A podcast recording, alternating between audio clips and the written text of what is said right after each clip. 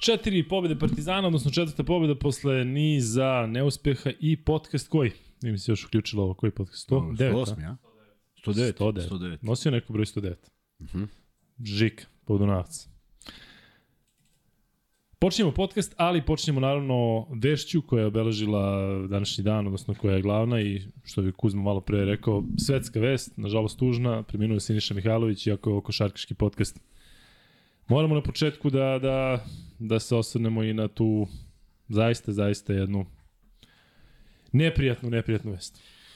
Da, i prosto veliki borac je bio, borio se, očigledno da je sve to uzimalo maha, o tome se nije pričalo i e, svi su mislili da, da, da u životu, kad, kad si pobednik i kada tako savlađuješ neke prepreke i kad dođeš iz tog borova naselja, borova sela, i uspeš da budeš jedan od najboljih igrača Italije i, i sve to što uradiš, pomisliš da ne postoji bitka koju ne možeš da izgubiš, a ono najđe jedna koja stvarno je očigledno jača od svih nas i nažalost tako se brzo izašavala ta neka smena vesti o njegovom zdravstvenom stanju. Moguće da nisu pričali, ali kažem, velika žal, naročito zbog jedne nevjerovatne stvari da sam ja mlađem sinu pre neki dan potpuno i nevezano ovaj, pokazao njegov hat-trick i slobodnih udaraca. Gledao je ono kada je dao kada je dao gol Bayernu i slobodnog udarca, ali ove, ovo nikad nije gledao. I, ovaj, eto, mnogo mi je žao, ono što me je dirnulo to je taj moment u Kataru, gde su se sve njegove kolege i svetske zvezde okupili su se njegov, njegova slika na semaforu i oprostili se od njega, a pritom desila se jedna ja stvarno smatram ljudskom ljudskim momentom, ljudskim gestom, jedan veliki transparent i minuta ćutanja u areni.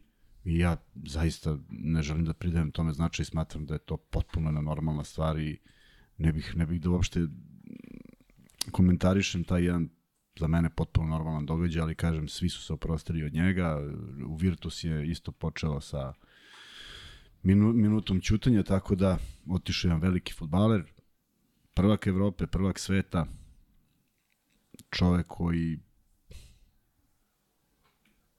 Ja sam prilike da ga upoznam, to je, to je potpuno nenormalna priča 92. na Kipru. Sedeli smo zajedno u restoranu, pa sam malo i pričao s njim i onako mi klinci, pa smo pričali, jako malo stariji od nas, ali on je već u tim godinama bio to što jeste i, imao sam priliku eto, malo da se i družim s njim i pričao o nekim trivialnim stvarima. Ovaj, šteta, velika šteta za sport, velika šteta jer mislim da je na svakom polju, pa i na trenerskom ostavljao uh, utisak profesionalca, čoveka koji je živeo za futbal, ali eto, nažalost napustio nas i on u moru, ljudi koje smo izgubili u posljednjih nekoliko godina, i eto, ja njegov kolega stariji, za nijansu stariji, Miodrag Ješić pre samo sedam dana, dakle, to je život, valjda ulazimo u te godine kada je to nešto sve bliže i sve ovaj, češ, češće, ali jednostavno ono, ono što znam kroz evo te sve snimke, nadam se da će uvek postojati to sećanje njega i kakav je futbaler bio. Um, jedini čovjek od koga sam ja ikada uzeo autogram je Siniša Mihajlović. I e, ja sam rođen u Ljutice Bogdana 2 kroz 4. To je ulica poznata po stadionu Marakan. Međutim, ovo su soliteri između Zvezdinog i Partizanovog stadiona i baš moj soliter e, je baš u sredini. I sada sa ove kuhinje strane vidiš Zvezdin stadion onako kroz grade vidiš jug, a sa ove druge, druge diagonale iz moje sobe vidiš Partizano stadion. Mi iz kraja smo stvarno imali taj lep odnos da idemo i na Zvezdin i na Partizano stadion. Išao sam tu i osnovnu školu, išao sam tu u vrtić i bukvalno to je moj kraj i ljudima ne mogu da objasnim da smo mi zaista koliko god neki navili za Partizan, neki na Zvezdu, stvarno smo poštovali da danas poštujemo klub. Naravno. Jednostavno podrazumevalo se, mislim da je čak u metar stadion udaljen od moje zgrade, jedan i drugi bukvalno isto. E sad, e, kada smo bili drugi razred, ja i moji drugari e, smo imali tu privilegiju da idemo na, u, na treninge Crvene zvezde. I to je bila 91. godina pre nego što je, dakle ta sezona pre nego što je Zvezda e, osvojila titulu. I nas trojica, ne znam se ko je bio plavlji, idemo uvek na treninge Zvezde, Zvezdni, Zvezdni stadion, dakle, pomoćni trener je ovaj koji je dan danas, gde su one stepenaste tribine, i što mi na Partizanu stadion, samo sad pričamo o ome, sa Partizanom su nas uglavnom izbacivali sa onih e, teniskih terena, to nas je Juri jednostavno, pa smo da se pročim kroz one, kroz one šipke. Elem, e, puštali su nas da gledamo zvezdine treninge. S tim što smo mi uglavnom dolazili na kraj i E, bila je neverovatna privilegija, tad nismo znali, tada je Siniša imao 21, 22 godine, isto je Prosinečki isto godište kao i on. I Prosinečki, ja mislim da je bio jedini žući od nas trojice i stalno mi govori, gde ste žući, nas trojice sedimo. I na kraju treninga, na kraju gotovo svakog treninga Zvezde, njih e, dvojice su šutirali uh, slobodnjaki, ali slobodnjaki bez živog zida, bukvalno ti se onako vrati lopta pa ti pukneš za 40 metara. Ja ne mogu ti objasniti koji su to šutevi. Tako I kada se zatrese da. prečka, ja ne znam da su gađali prečku, ali svaki drugi šut je pogađao prečku. I um, poznavali su nas tako kao te klince koji dođu tu, znaš, imali smo dobru nameru, nismo smetali, nismo bili šta. I išli smo tada, sećam se, pre podne i posle podne u školu i posle podne, posle škole, dođemo tu malo ili Partizanov ili Zvezdin, još nisam ni počeo da trenam košarku i Mihajlović ne trenira. I pojavi se u, u jednom trenutku, onako sa onom, taj ima, mislim, najbuniju onu kosu, um, ona, ona njegova, znači, one lokne.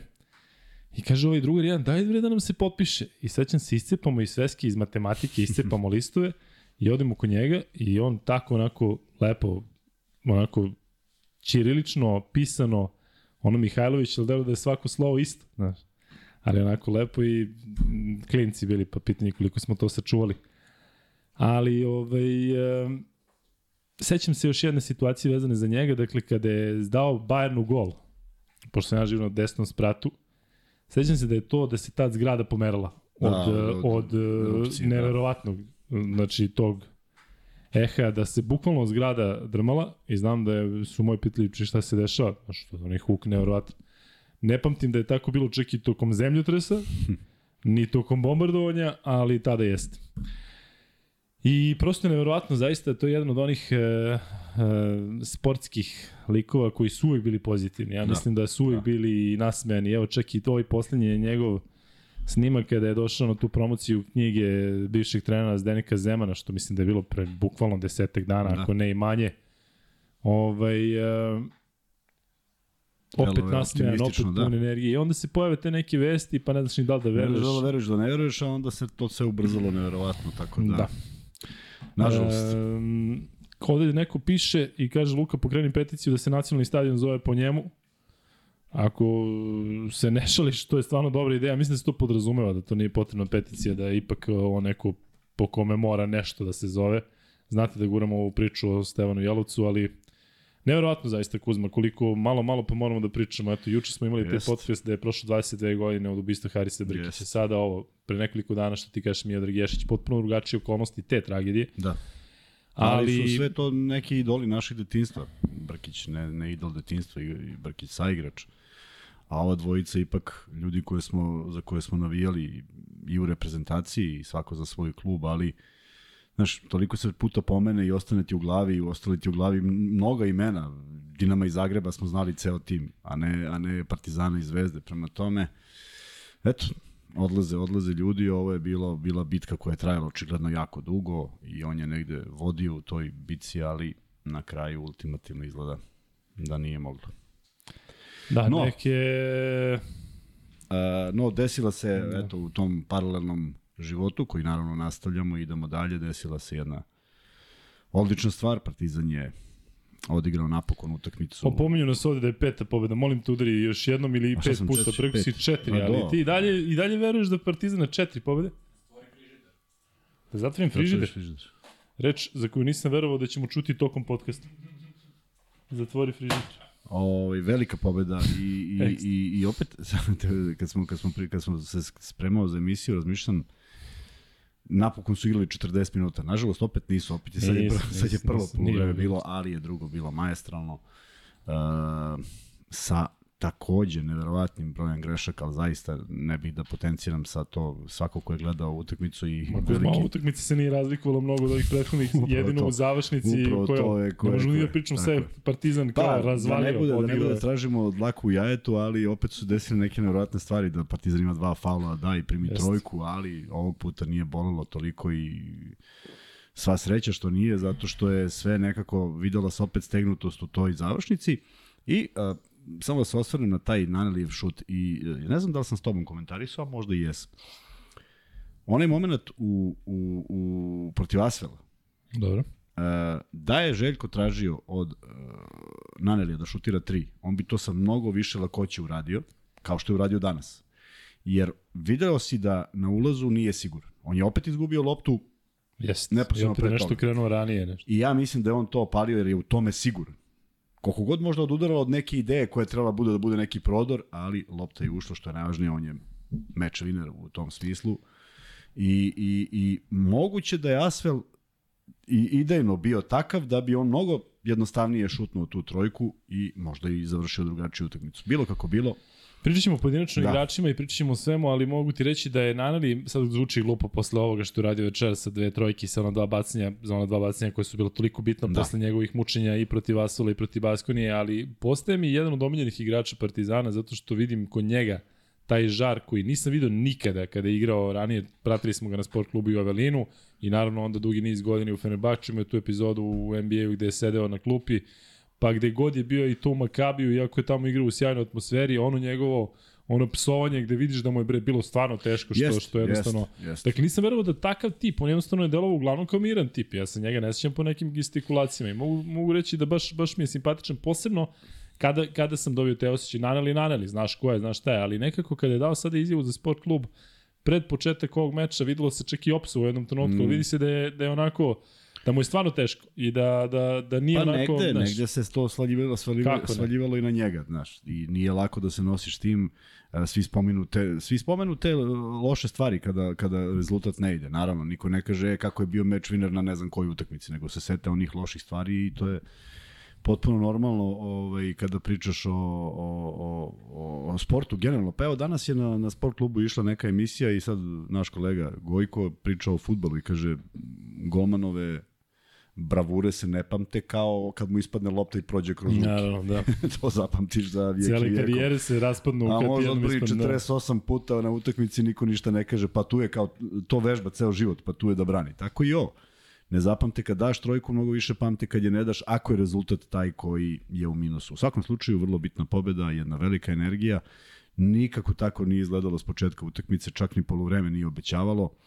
A, ovoga puta je Željko primenio drugačiji recept, za nijansu drugačiji, probao je skoro sve igrače, ostaje nepoznato zašto Andjušić ne igrao, ali kada jedna ekipa pobedi, prosto to pitanje ne treba da se postavlja. A, probao je i sa, i sa Smajlagićem i sa Tristanom Vukčevićem i sve on isprobao, ništa to nije obećavalo, od tih 24 poena bilo najskromniji učinak Partizana, verovatno u poluvremenu u ovoj sezoni. Neverovatno, nego je sigurno tako. E, i onda mi je ostao jedan utisak iz tog prvog polovremena, a, a svodi se na a, ono na šta, na šta liči košarka danas. Sećaš se da su nam dali, da, ne sećaš se, video si sigurno na, na društvenim mrežama da ima kako se menjala šut iz igre.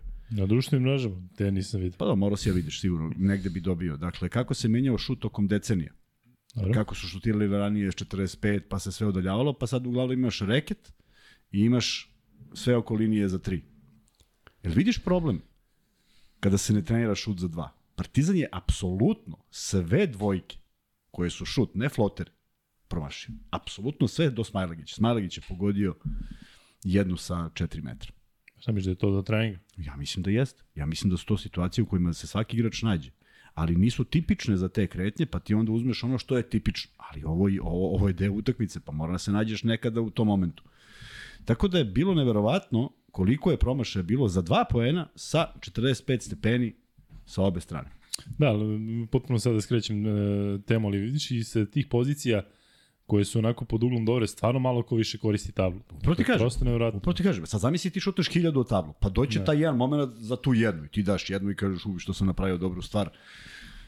Dao sam koš. Ovaj, i, I eto, to, u tome vodi ovo, ovo, ovo što se dešava generalno u košarci, kako se biraju šutevi.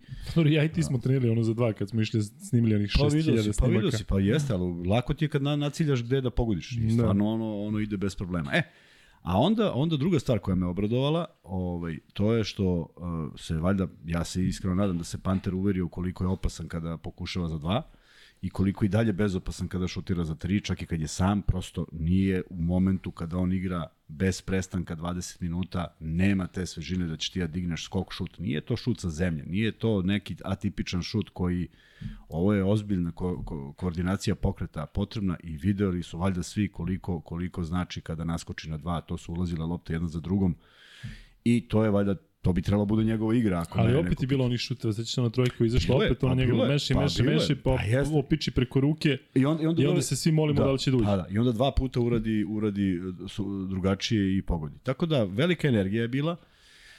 E, Željko je stavio sve na sto, sve, sve, sve što ima. Sav ulog je bio na stolu, izabrao je pet igrača doslovce dok mogu da stoje, sve ovo su, izmene su bile kozmetičke prirode i, i uspeo je. Što je najvažnije, opet jedan bizaran moment koji je doneo tu glavnu prednost, to je ulaz egzuma i ja neću se čudom načuditi, ipak Buboa je neko ko bi trebalo da razume i da ga ovaj nonšalantno obiđe u desno sa 0 stepeni, sa 90 stepeni je opet meni nešto neobjašnjivo, ali Exum to zna da koristi. Da, ali nije Buboa jedini, obilazi tako Exum, kad krenu tu desnu stranu, on sa onim onako delom Jest. onako luguzića, ali Jest. odjednom kao da, da ga gurne neko ovaj, Jeste, krenu u pa, desnu čim on, stranu. čim on zagrabi taj prvi Jest, korak uz problemu si, ako ga Da. ne zagrabi, onda, onda je, onda ali je on stvarno malo koga usmerava u levo. Neverovatno. Od kad znamo za. Exuma. Pogotovo kad, dakle, imaš, kad, kad ti se sve dešava na Da. suprotnoj strani su svi, dakle, aj tamo pa... A ja ga ne pamtim da on sa, kada krenu u levu stranu da baca nego, ne mogu da, da zamislim kako to izgleda da le, Exum položi levom rukom. Evo, danas je položio, danas je jeste? položio pored Žižića levom, ali Da, se vrlo jeste, redko jeste, odlučuje jeste, na to. da. Vrlo redko i hrabro je ušao, položio i svaka mu čast. Pogodio opet sve i sva slobodna bacanja pogodio. Opet je on neko ko je bio konstantan tokom cele utakmice, sve ostali, svi ostali su bili uspona i padova. Ali ajde da krenemo od početka. Čekaj prvo da ti kažem ovo ovde sad, ovo što je Vanja pričao, kaže otvoren frižider, otvoren frižider, otvoren frižider, a Vuk Grbić jadan kaže, a na frižideru moj dres. I ovaj, Još uvek Vuče, tu. hvala tebi što poštuješ onaj svoj deo ovaj, nagodbe da, da se ne mešaš u free betove. I onda ga ovde zezaju, kažu, e, koriste dres da brišu frižider. nije, nije baš tako, ali e, slaćemo, tu su. Ako svratiš do Beograda, da kojim, kojim slučajem. Ima varijanta da možda dođem ja do Novog Sada, pa čekamo možda ta, tu priliku da ponesem sve poklone koje imamo za Novi Sad. Ali tu su vam pokloni ti koji vas čekaju, dakle, e, top nesretnik je čekao svoj, svoju majicu, jadan ovaj, Pa je došao na kraju. ubojio se, u, mislim da je prošao ovaj, Došao možda ono, prošao je veličinu e, dok smo mu dali majicu, ali dobro. E,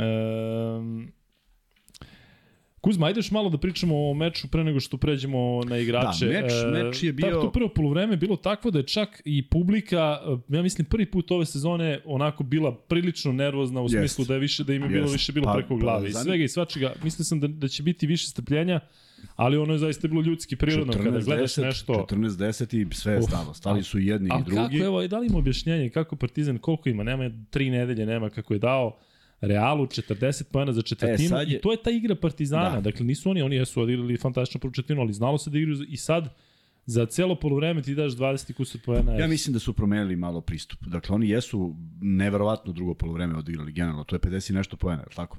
24 su dali u Da, prvom, to da. će reći 50 i nešto, 56, 56, 8 u, u drugom. Dakle, neverovatno. E, mislim da e, To je ono Makabijevsko drugo Da, polovreme. mislim da Efes nije to očekivao, ali mislim da su oni igrali u Grču i da su znali koliki je ulog i da su jednostavno sa, sa op, velikim opterećenjem uzimali šuteve, nije to izgledalo ni tečno, ni bilo kako, ali su bile dobre pozicije koje su promašene. I naravno to je iskoristio ovaj, Efes, ali ga je iskoristio u jednom ipak neočekivanom modu, a to je Žižić.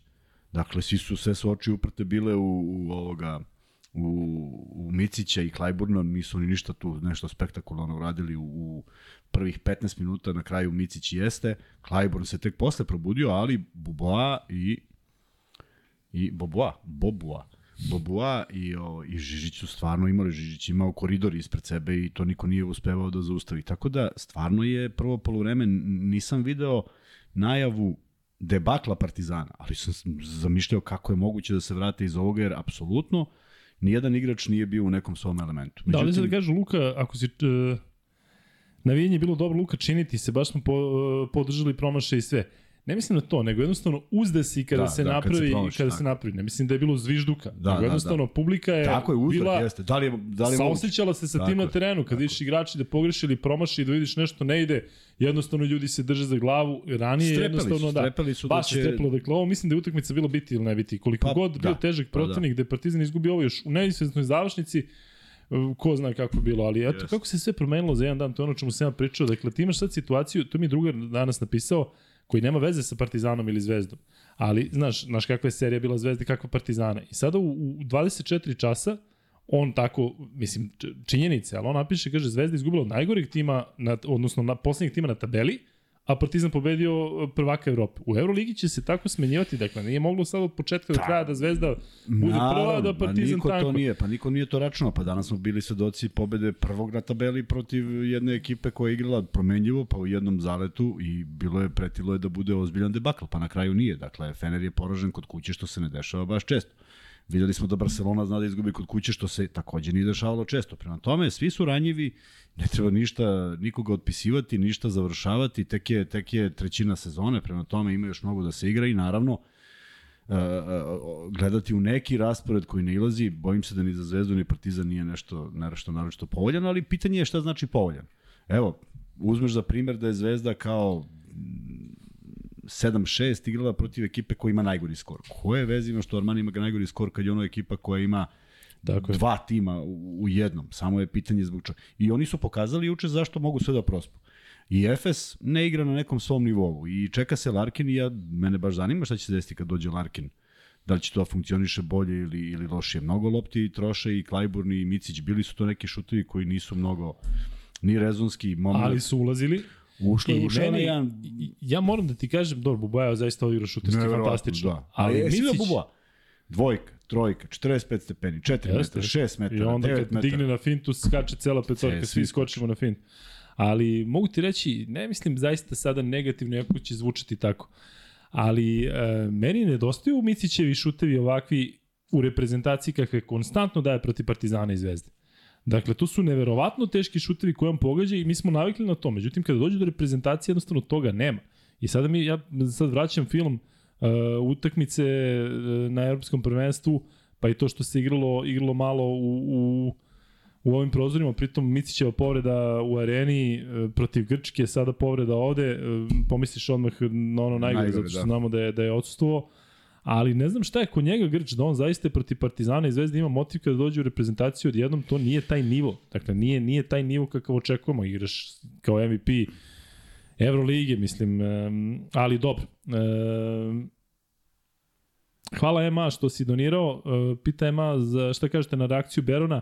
Verovatno nisi gledao prethodni podcast, pričali smo dosta o tome, čak se ja i Kuzma nismo složili, a na kraju podcasta smo imali i pol ko je bio, ovaj, čija vam se reakcija više sviđala na reakciju Berona, tako da eto možeš da, da odgledaš to da se ne vraćamo nazad.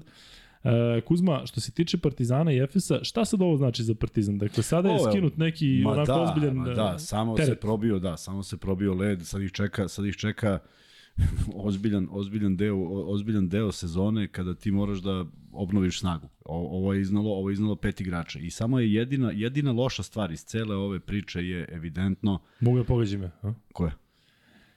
Um, istroša, istrošili su se nešto.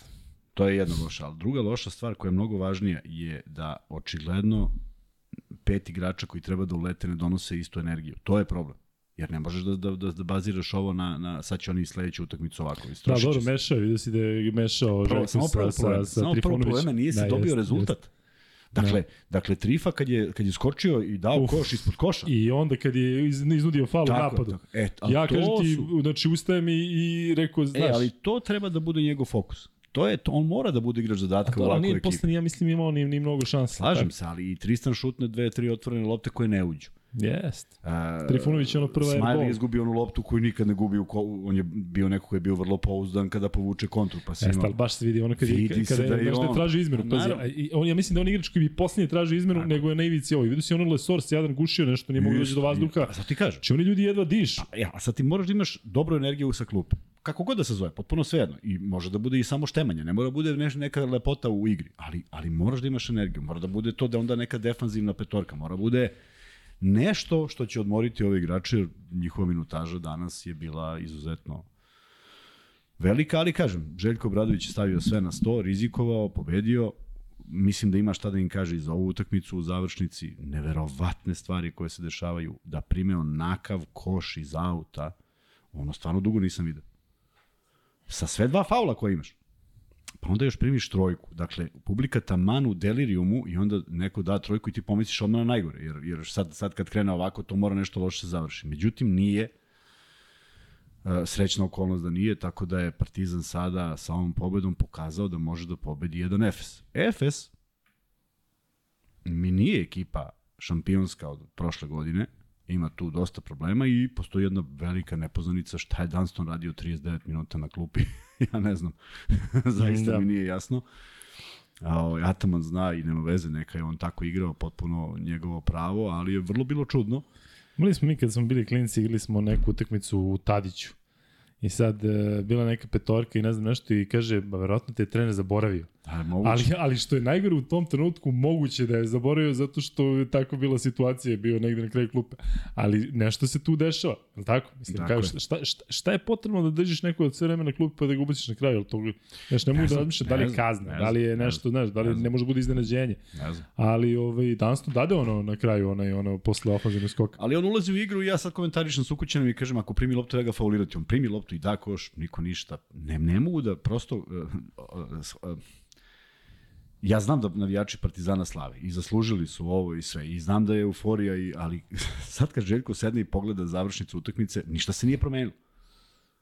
To je ono što je promenio se Panterov napad, promenila se egzekucija. Pitaju te ovde da prokomentariše selekciju šuta sada i ranije i pitaju da li je Panter gledao i slušao podcast Najverovatnije te. jeste, to sam da, da šta kažem. Nema šta sluša mene, treba sluša svog trenera koji mu sigurno govori to isto. Ja sam ubeđen da mu Željko ne kaže aj ti malo vrti levo desno pa onda opali. Koliko može da bude ubojit kada radi jednostavne stvari. Ali one se vežbaju. Dakle, ovaj šut njemu nije poklonjen. Nije on sad ovo smislio sada. On to inače vežba. Pa što ne eksploatišeš to na, na, na, terenu? Pritom ne znam ko može da ga sačuva u tom.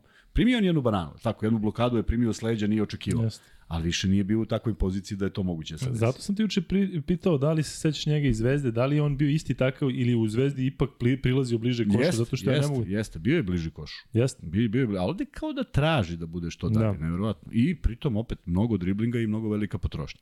Onda na drugu stranu tu ti se poklope neke stvari, pa onaj, kako god da se zove, ne znam, napravi faul na, na, na trojici, na egzumu, što je poklon. Uh, Da, ono je baš bio lep poklon. Da, baš poklon, ali zaslužili se ga. Stvarno su igrali jednu utakmicu i videlo se da da ulažu poslednju energiju. Da Ovaj Lesor, nesečni, stvarno nije izgledao dobro kad izašao na klupu.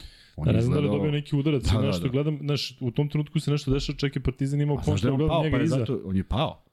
On je neki faul je bio, pa je on bio Da. na, na, na podu, pa je ustao, pa je ustao sa jezivom grimasom kad je Da, seo da. na klupu. Ti vidiš da I ne Mome Jakovljević ga gleda, ne znam, Da, on, znaš, da. i on je odlazi iza pa šeta, znaš, pomišljaš da nije nastavlja nešto... se utakmica, on šeta i Da. pokušava da udahne. Tako da, to, to je sigurno neki neverovatan napor. Svaka on je, čast Lesor, iskreno on ti je kažem. doneo Dakle, on dečko, ni iz čega je ti znaš da sam ja skeptičan što se tiče njegove, nje- njegovih um, poteza i selekcije svega u završnici, međutim, eh, on dečko, ako neko daje 100%, daje on Ma opet Mislim da je presekao neke 100%. lopte i dao neke Jest, kontre koje jest, niko ne bi, ne bi se uopšte zaleteo onako. Tako da, e, bilo je, bilo je u tih 58 poena, bilo je zaista ovaj, fenomenalnih stvari. E, Efes nije odgovorio na tu neku agresivnost. Mislim da su oni mislili da će ipak da, da prelome ovu utakmicu.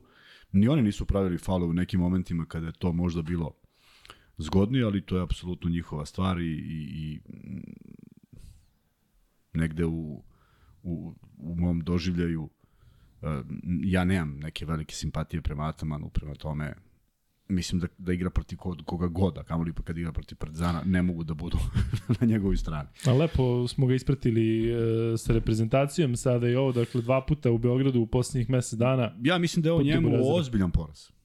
Ovo je njemu poraz od Ne, i Željka. delo da ga bole, ne, ne, ćoš. ne, ne, ne. Ono, ja mislim da bi on da bi da je pobedio Željka, ne Partizan, Željka, Željka u Spartaku i Subotici, potpuno sve, samo da ga pobedi. Bilo gde, mislim A da lepo bi su se bio- pozdravili na kraju, onako Jesu, sa dosta jesu, respekta i jesu, to više jesu. Željko prema njemu nego ovaj. Jesu, pa Željko je domaćin i onda Da. da. valjda kad si domaćin, on se ponaša domaćinski, to je potpuno normalno. Tako da, e, dobro je, dobro je što se sudije nisu potpuno izgubile. A bilo je nekih nagoveštaja da će tu biti nekih, nekih odluka koje su bile čudne, pa na kraju kad sve sabereš i podvučeš, mislim da su... Nisu toliko uticali na Da, e, ali, ali ti si dobro prokomentarisao ono, zato što, ovaj, ne zato što ja sad želim daleko od toga, da želim da je faul nad Vasom bio za tri. Ali to smo isto videli na zvezdinim utakmicama. I dobro si rekao, a to smo pričali već u podcastu. Da li mi sad treba da gledamo ko dolazi da sudi? Da, da. Ovaj što će to da sudi ili onaj koji je malo blagonaklon prema toj. Čekaj bre, o čemu pričam? Da, delo je ba- da je baš ono slobodna, Slobodna procena, slobodno sudijsko uverenje. u- od, od sudije E, do sudije. E, ovde si imao dva faula na utakmici, a ovde ovaj nije bio. Da li je bilo razlike? Pa sad neću da uzmem var pa da merim da li ovaj bio u cilindru. Znaš, sad gledamo Vasin cilindar. U krajnjem slučaju uh, Vasa manje izbaci noge nego što to radi Beron. Da. Beron u šutu ima Jeste, taj trzaj. jeste, on- Prema Tome, e, I to je, to je, srećom nisu svirali, mislim da bi publika ule, uletela na parket, jer su već onako bili euforični, ali na kraju sve je ispalo dobro i kažem, nisu se, nisu se zapleli toliko da nisu mogli da se iščupaju. Bilo je nekih odluka koje su bile malo čudne, ali vidim da nije bilo neke naročite reakcije sa klupa prema tome. Kada već komentarišeš Šatamana, jel si čuo neke izjave njegove na konferenciji za novinare ovde pitaju i pitaju i za neka pitanja Pa njemu, da je bio ne. prilično nervozan, da je nešto opet lupetao. Ja moram priznati da sam uh, odgledao, odnosno oslušao samo Željkovu uh, Željkov deo konferencije zato što ne želim iskreno da gledam Atamana, nešto mi se on ne gleda. Posle svega onoga što se dešavalo, uh, svi znate, dok je bio trening Galatasaraja, Uh, jednostavno taj, taj lik mi je negledljiv kada priča, ne volim čak ni onu njegovu, njegovu boju glasa. U nekim momentima mi, ajde da kažem, onako zanimljiv, recimo kao ono kada su ga isključili protiv Barcelone, pa kad je pravio show, Dakle, on jeste onako, ima i taj neki, pored očigledno sjajnog trenerskog posla koji radi za, za, za Efes, očigledno ima i taj neki malo klonovski e, moment, ali um, jednostavno kad treba da priči, kad treba da ga slušam, ne, tako da nisam čuo, neko je pitao da nisam čuo ni pitanje kolege, ali znam otprilike na šta se misli i bolje da ne kažem svoje mišljenje o, o, o tome, e, o tim pitanjima na konferencijama za novinara, ali nema veze. E, Vančik, stavi molim te pol, da vidimo šta, kakav je odnos sada. E, E, kad bude bio rezultat pola, nešto ću da kažem, kad bude bio rezultat ovaj, zvaničan. Hoćeš da, evo sad, posle prvog glasa, da kada su... Neću, ovo, to nije zvaničan rezultat. Ajmo krenemo po igračima. Misliš da je vreme, a? Pa da. Ajde, Kuzma, onda da krenemo Pa od... mislim, ajde da vratimo još neke stvari. Mislim Ajde. da je da je promašeno opet pravljanje nekih falova kad Partizan ima dva. Mislim da Ali opet delo da ipak manje, u smislu... Ne, ne, govorim sam kraj, sam kraj. Neke neke baš ove baš ovi posljednji napadi. Uh, prosto uh, kao da kao da zaborave na tako nešto. I uh, kažem koliko god mogu da budu zadovoljni, moraju da budu zadovoljni i ne treba da gledaju u sve sitnice. Voleo sam i voleo sam da radim s trenerima koji kad se pobedi gleda se šta nije valjalo. I ovde ima opet ta završnica koja je uh, proizvod jedne velike želje i jedne spremnosti da Naneli preuzme tu odgovornost i šutne i pogodi trojku. Da je promašio, ponovila bi se ista stvar, jer Partizan opet nije sekao napad e, penalu. I kad ima čak i veliku zalihu, oni su dozvolili da prime 2 pa 3.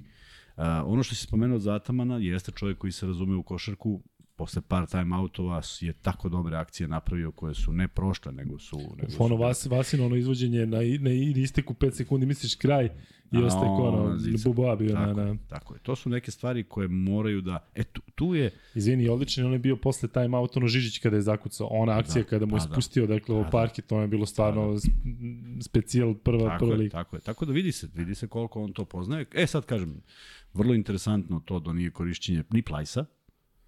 Plajs je jako malo igrao. Da, on je počeo petorci da, i i Dunstona pogodio i... i- to je to. Clyburn, Clyburn uh, ljudi vole, ja volim da gledam neke njegove poteze, ali Clyburn igra manje više vrlo slično Panteru. voli da se nadigrava i da potroši 12 driblinga, onda šutne, pošto je visok, šutne preko bilo koga Da. i lopta uđe, oni svi kao konstatuju ušla. A šta kad ne uđe? Danas je promašio dva puta obruč. I desila se jedna bizarna stvar kad mu je svirao onaj faul, kad je uskočio u sendvič između dva igrača. Kad je bio istek napada. Uopšte Da. ne mislim da je tu bio faul. Mislim da ga je neko palio po ruci na prodoru. Sudije nisu svirale, a onda su svirale. Pa kao, ajde, da. A onda su A to je delovalo onako kao da je gužva, pa, pa znaš, da. on spo, Da, a ništa se u vazduhu. Ništa se nije desilo, tako da, Jeste. ali je bio prethodno 100% ga neko onako pošteno opalio i kažem, opet su zakasnili sa tim nekim faulima, što se Partizanu na kraju moglo da mu se isplati, moglo mu se isplati mnogo bolje, zato što ti kad ulaziš u tu završnicu imaš dva faula prednosti, to znači da ti kontrolišeš vreme na, na, na, na utakmici a ni to nije iskorišćeno. I opet će neka dođe utakmica kad će to biti, biti problem. Zato bih volao da sam video ispucane te faulove, dva puta sa strane, doviđenja, nema tu brze trojke, nema ničega. A mislim da sad, na primjer, Papa Petru konkretno, ja mislim da on nije znao da li da napravi faul, da ne napravi faul. Ko veli, on je daj, nemoj sad više da... da, bolje da ne bude više u centru ne, pažnje, nego samo da ja se ja slonim, da. Ali slušaj sad ovo, pre nego što pređemo na igrače pojedinačno. Dante Exum za 2, govorim sve ovo za 2. Exum 4 od 4, Nanali 5 od 6, Panter 6 od 9, Lesor 6 od 6, Smajlegić 2 od 2, Ledej 2 od 4, Papa Petru 1 od 4, tu je malo pokvario, Trifunović 1 od 1. Tako je. I imaš, Prosto nevjerovatno. pazi, a imaš dva promašaja Ledeja u prvom, Papa Petrov, Madarov i još jedan. Dakle, bilo ih je doslovce pet u nizu sa, sa, sa perimetra od 3 metra. I to onda izazove nervozu. Jer to su sve otvoreni šutevi bili. Nijedan šut nije tu bio neka Pa šta nam ovo govori Kuzma? Treba Partizan sada da se više oslanja na dva, da ne forsira trojku, zato što je trojka, slušaj, dva, uh, dva od šest naneli, 0 od 2 Panter. Dobro, Smaglić 1 od 2, Ledej 0 od 2, Exum 1 od 2. Dobro, Exum šutira malo, on nije, nije neki Da, reper, da, on će naravno, šutnuti ali kažem... uh, Ali Panter treba pojednostaviti igru, treba da igra ovako. I treba da bude u ćošku i kad ta lopta tup, tup, tup dođe do njega, pa naravno treba da, Da. šutne. On je najsmešniji što je njemu i otvoren šut bio kad je šutirao tu za tri. Ali ne forsirati, ne nadmetati se, ne pokazati da možeš. Kome to da pokažeš? Treba pobediš utakmicu, treba ti ja pokažeš da možeš daš preko... Vidio se da se on nešto lupa po glavi na kraju. Ko zna da li i on nešto rešava sam sa Ma sobom. moguće, ali, ali, ali, ali, to se odražava na rezultat. Reši već jedno, Jest. znaš, ajde kao, dosta je bilo. I Tako baš da mi je- se sviđa što je dobio, dobio veliku podršku navijača. Ja sam se plašio da će možda na, na, na pojedinci poput njega ili Papa Petrova publika da bude još onako, e, ajde da kažem, da će biti specifično, da kada nešto uradi ili promaše, da, da će biti neke drame. Ali srećom, kažem, gurana je Odradili su publika dobar i... defanzivni posao, odradili su mnogo toga dobrog u drugom Da, poluvremenu. videlo se da oni kinu na terenu. Jest, dakle, nije to jest. sporno. Ne, Ne, ne. Mislim da bi tako, reakcija tako. publike bilo da, da, da znaš, je da, neko ti jednostavno foliranje. nemaš. Naravno. Ono prvo poluvreme je bilo mučno zato što Partizan jednostavno bio Napa, grču. u napadu nisi Tako je, pogodio nešto tako što je. treba da pogodiš. Nije, Da. Nisu se ovi razigrali, nisu ovi razbijali, nisu ni oni dali 50 pojena, nego su igrali jednu skromnu igru sa 37, ako se ja dobro sećam. Tako 37-26 je bilo. E, Tako nešto. Da, 37-26. 37-28. 28. Pa eto, nije to bila nikakva tragedija, nisu oni vodili 25 Jest. razlike, nego 9. Pritom, Efes staviti na 37 poena, to uopšte ne deluje loše. Naravno. U ovako generalno gledajući, da. Pa naravno. Pritom je opet Partizan primao neke koše u završnici četvrtina, neke floatere, Jeste, nešto. dva opet, puta. i I, opet, tu sam mislio, kad primiš tako dva puta, to, to Da. te opali na kraju i onda izgubiš jedan razlike. Međutim, i to su nadoknadili jedina nerešiva enigma i evo kako, ti se, evo kako se ogleda to. Evo, svako može ko je, ko je gledao, jer, jesi sve dok toga da je bilo posle prvog napada Efesa u posljednjoj četvrtini je bio timeout. Pa zašto? 19 sekundi. Pa zato što ovaj je vratno čovjek rekao, ali samo nemojte da rotirate sa njega. Jeste. Ja sam ubeđen, nema, nema, to je skup timeout Pa koji te na- možda pa posle naravno, treba da ga pa tražiš da.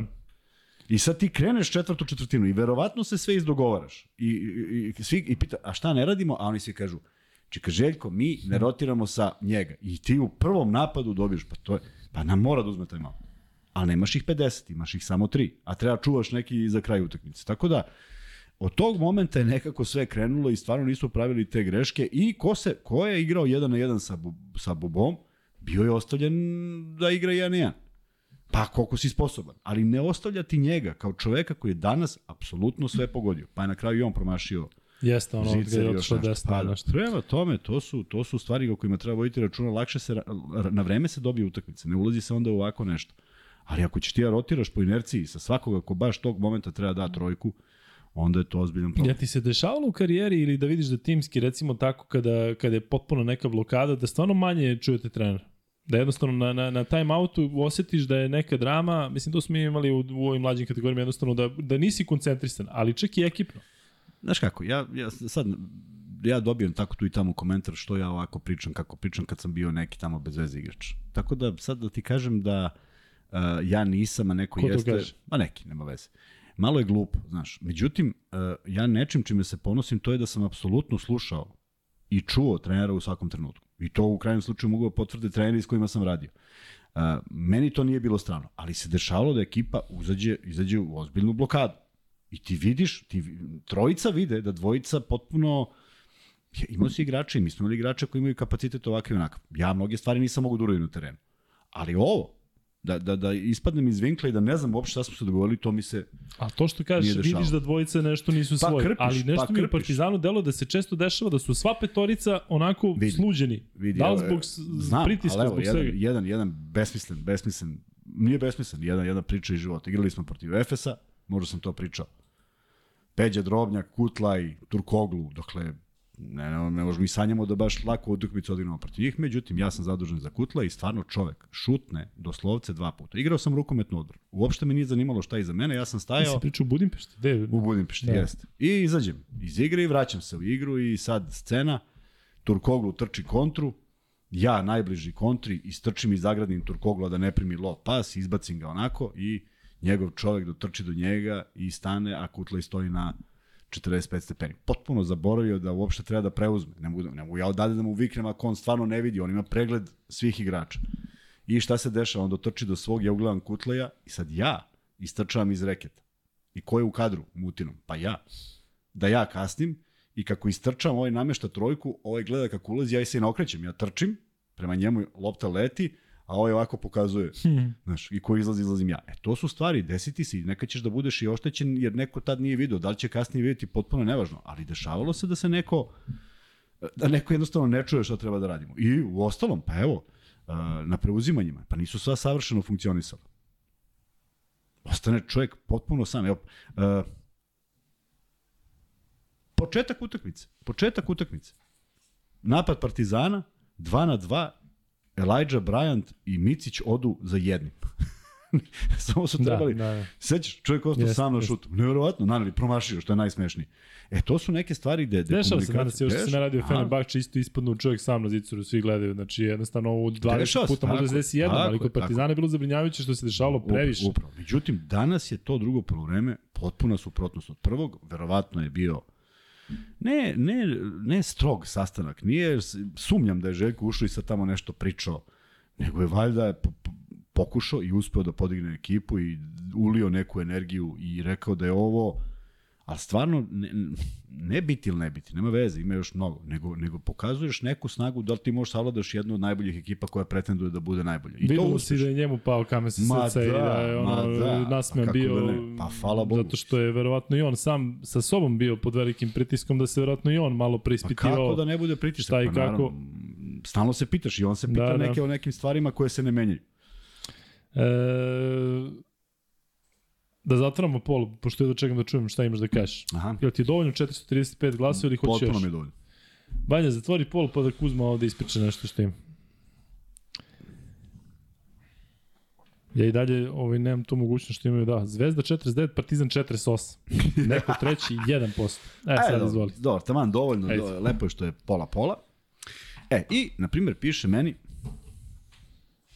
Mora da neki klinac od Ne, 19 ne, godina. A ne. rekli smo da nećemo ništa ne bre, ne, ne, nije pa. Ajde. Ne pričamo. Moram da istavim, Da, da. ali ne, uopšte nije ljudi, uopšte, rekli smo više negativno, ne pričamo, je li tako? Ne pričamo A negativno. ne pričamo. I kaže, Mihajlo Pupović, navijač Partizana, čovjek koji je vrlo često tu u komunikaciji, kaže, od srca da pozdraviš ovog momka što prenosi Partizana u utakmicu ove sezone u Euroligi. Dakle, naše kolegu Marka Vlahovića. Neko Ja- je ovde napisao da ima sjajnu emociju prilikom trojke. Ja mislim da je. Marko Vlahović danas upriličio svojim komentarisanjem napravio spektakl od ovoga. E, slažeš? E, ne, zato što nisam mogao da gledam A, sve uh, sa, kom, sa komentarisanjem, zato što Da. prvo, uh, kasnije sam na prvo polovreme gledao sam Onda bez tona, zato što Fenerbahče, pogledaš. Tako je, pa mi onda ćera zaspala pa sam morao da utišam. Ali ne sumnjam zato što je Marko I neko ja mislim, ali da je, ja mislim da je Marko danas doprineo da, da doživljaj te pobede bude još veći. I ja mislim da tako treba da izgleda komentarisanje jednog komentatora srpskog o srpskom timu kada se igra Euroliga. E, sad zašto ovo sve pričam? Zato što Zbog- ja to podržavam. I zato bi zamolio ovih 48%. Dobijam poruke koje glase ovako. Ne komentarišete vi zvezdu samo za gledaoce zvezde, nego i za nas ostale. Nemojte da vičete kada zvezda pobeđuje. Pa za koga da vičemo? Kako? Ovaj daje trojku, mi kažemo, kao u sportskom pregledu 80-ih, a, a, Vladan Anzulović, se tako zvao? Vladan Zulović je to zove i dalje. Krasno je to kao tuce i 1-0 za Veleš. E, to je, to treba da bude? Pa Mo- ne ne treba. zvuči to loše. Pa ne treba. E, i samo to mi je bio dobar šlagvort, jer ja mislim da je Marko napravio ovo, ono što volimo da gledamo, one britanske kada naprave, to je Marko uradio. I meni je to potpuno normalno. Ma ne, kako ne, hvale ga ovde. Ma, samo naravno da ga mislim hvale, ali hvale ga, treba da ga hvale svi. Ne treba da ga hvale navijači Partizana. Da li misliš da ima razlike što on radi sam, a vas dvojica radite zajedno? Pa koje radimo zajedno, ja, ja si ne čujem kako ja vičem, kad ja Da, vičem. čuješ se i ti malo. A da jeste, uje, uje. Iz- ono kad čuješ, iz- ale, ale, to sam ja. Vidi, meni je bilo Simonović fenomenalno. I Lino. Meni je dobro kad Darko, ka- kad Darko vikne nešto. Meni je, sve mi, sve mi to okej. Do, ej, doprinosi celom ambijentu.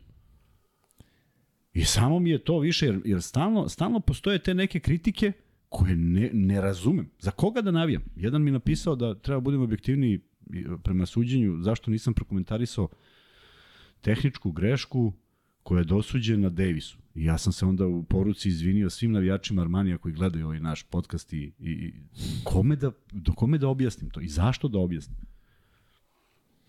Da, evo sad i ovde svi hvale Marka i onda imaš nekoga ko kaže Vlahović je previše navijački E, prema pa, je, pa to je to. Pa to je to. Ali što opet ideš na to, taj, te malobrojne negativne? Ko? Pa nije, e, to što kažeš dobiješ poruke, to su tri ili četiri poruke. Dakle, Ma pusti, naravno da jesu, nego, ti, nego govorim, Generalno. poentu hoću da kažem. Ja sam slušao s tonom i meni je bilo fenomenalno kako on podigne atmosferu nekom gledalcu koji vratno tamo skakao pored ekrana. Ja ne skačem po prirodi, ali neko sigurno skače. ne skačeš. Pa ne skačem, ne skačem nikad ni za svoje utakmice, ne skačem, pa što bi za to. Prema tome, u- u- napravio je pravi spektakl da ti kad gledaš kod kuće nisi u hali, osetiš tu atmosferu. Još ako pojačaš malo i čuješ navijače, sve je fenomenalno. Prema tome, aj sad ljudi samo prestanemo tim porukama o ljubavi nekoj, nema ljubavi, nema ne ljubavi. Navijamo za naše klubove koji igraju protiv stranih, protiv stranih timova i ne vidim ništa prirodnije nego da, da se komentariše tako. A kako Nemci? Otkud znam kako Nemci? Ne znam nemački. A kako Grci? Otkud znam? Grci, Grci. Pa i- evo, molim te anketu, nek se javi neko ko zna da je neka naša ekipa pobedila prijateljsku utakmicu u Grčkoj. Evo, nek mi to neko pokaže. To je nemoguće. Što se iznerviraš? Kako se ne nervira? Stavi nauče. Kad se na, kada stavi nauče, onda se je malo mini. E, ne, Marko jako dobro radi svoj posao, mislim, to smo znali pre nego što je počeo da radi Partizan, ali mislim da smo svi bili onako malo, e, ne skeptični, ali smo bili radoznali prvo ko će prenositi Partizan e, ove godine u Euroligi, nakon e, što se znalo da će doći do promene. E, I mislim da je Marko zaista jako, jako lepo sve to izneo i e, ima tu nekoliko stvari koje ljudi možda i ne vide. Dakle, e, mi smo se čuli danas pre podne zato što je trebalo nešto da se pročita, pa, pa je pitao da li sam ja na sport klubu. Dakle, on kada sprema Partizan, on ga sprema ceo dan. I dakle, njegov dan je u, u spremanju Partizana nije samo priprema meča, nego već ono što vidite neke stvari, neke priloge, neke rubrike koje se rade uh, u tokom studija, pa onda i posle, posle meča, tako da to je težak posao. Pa Nije isto to samo ja da za ovaj podcast, nemoj sad tako. Da, nešto si rekao na početku, kao kada smo pripremali, kao kada smo radili pripremu za podcast, rekao kako smo mi pripremu radili za podcast.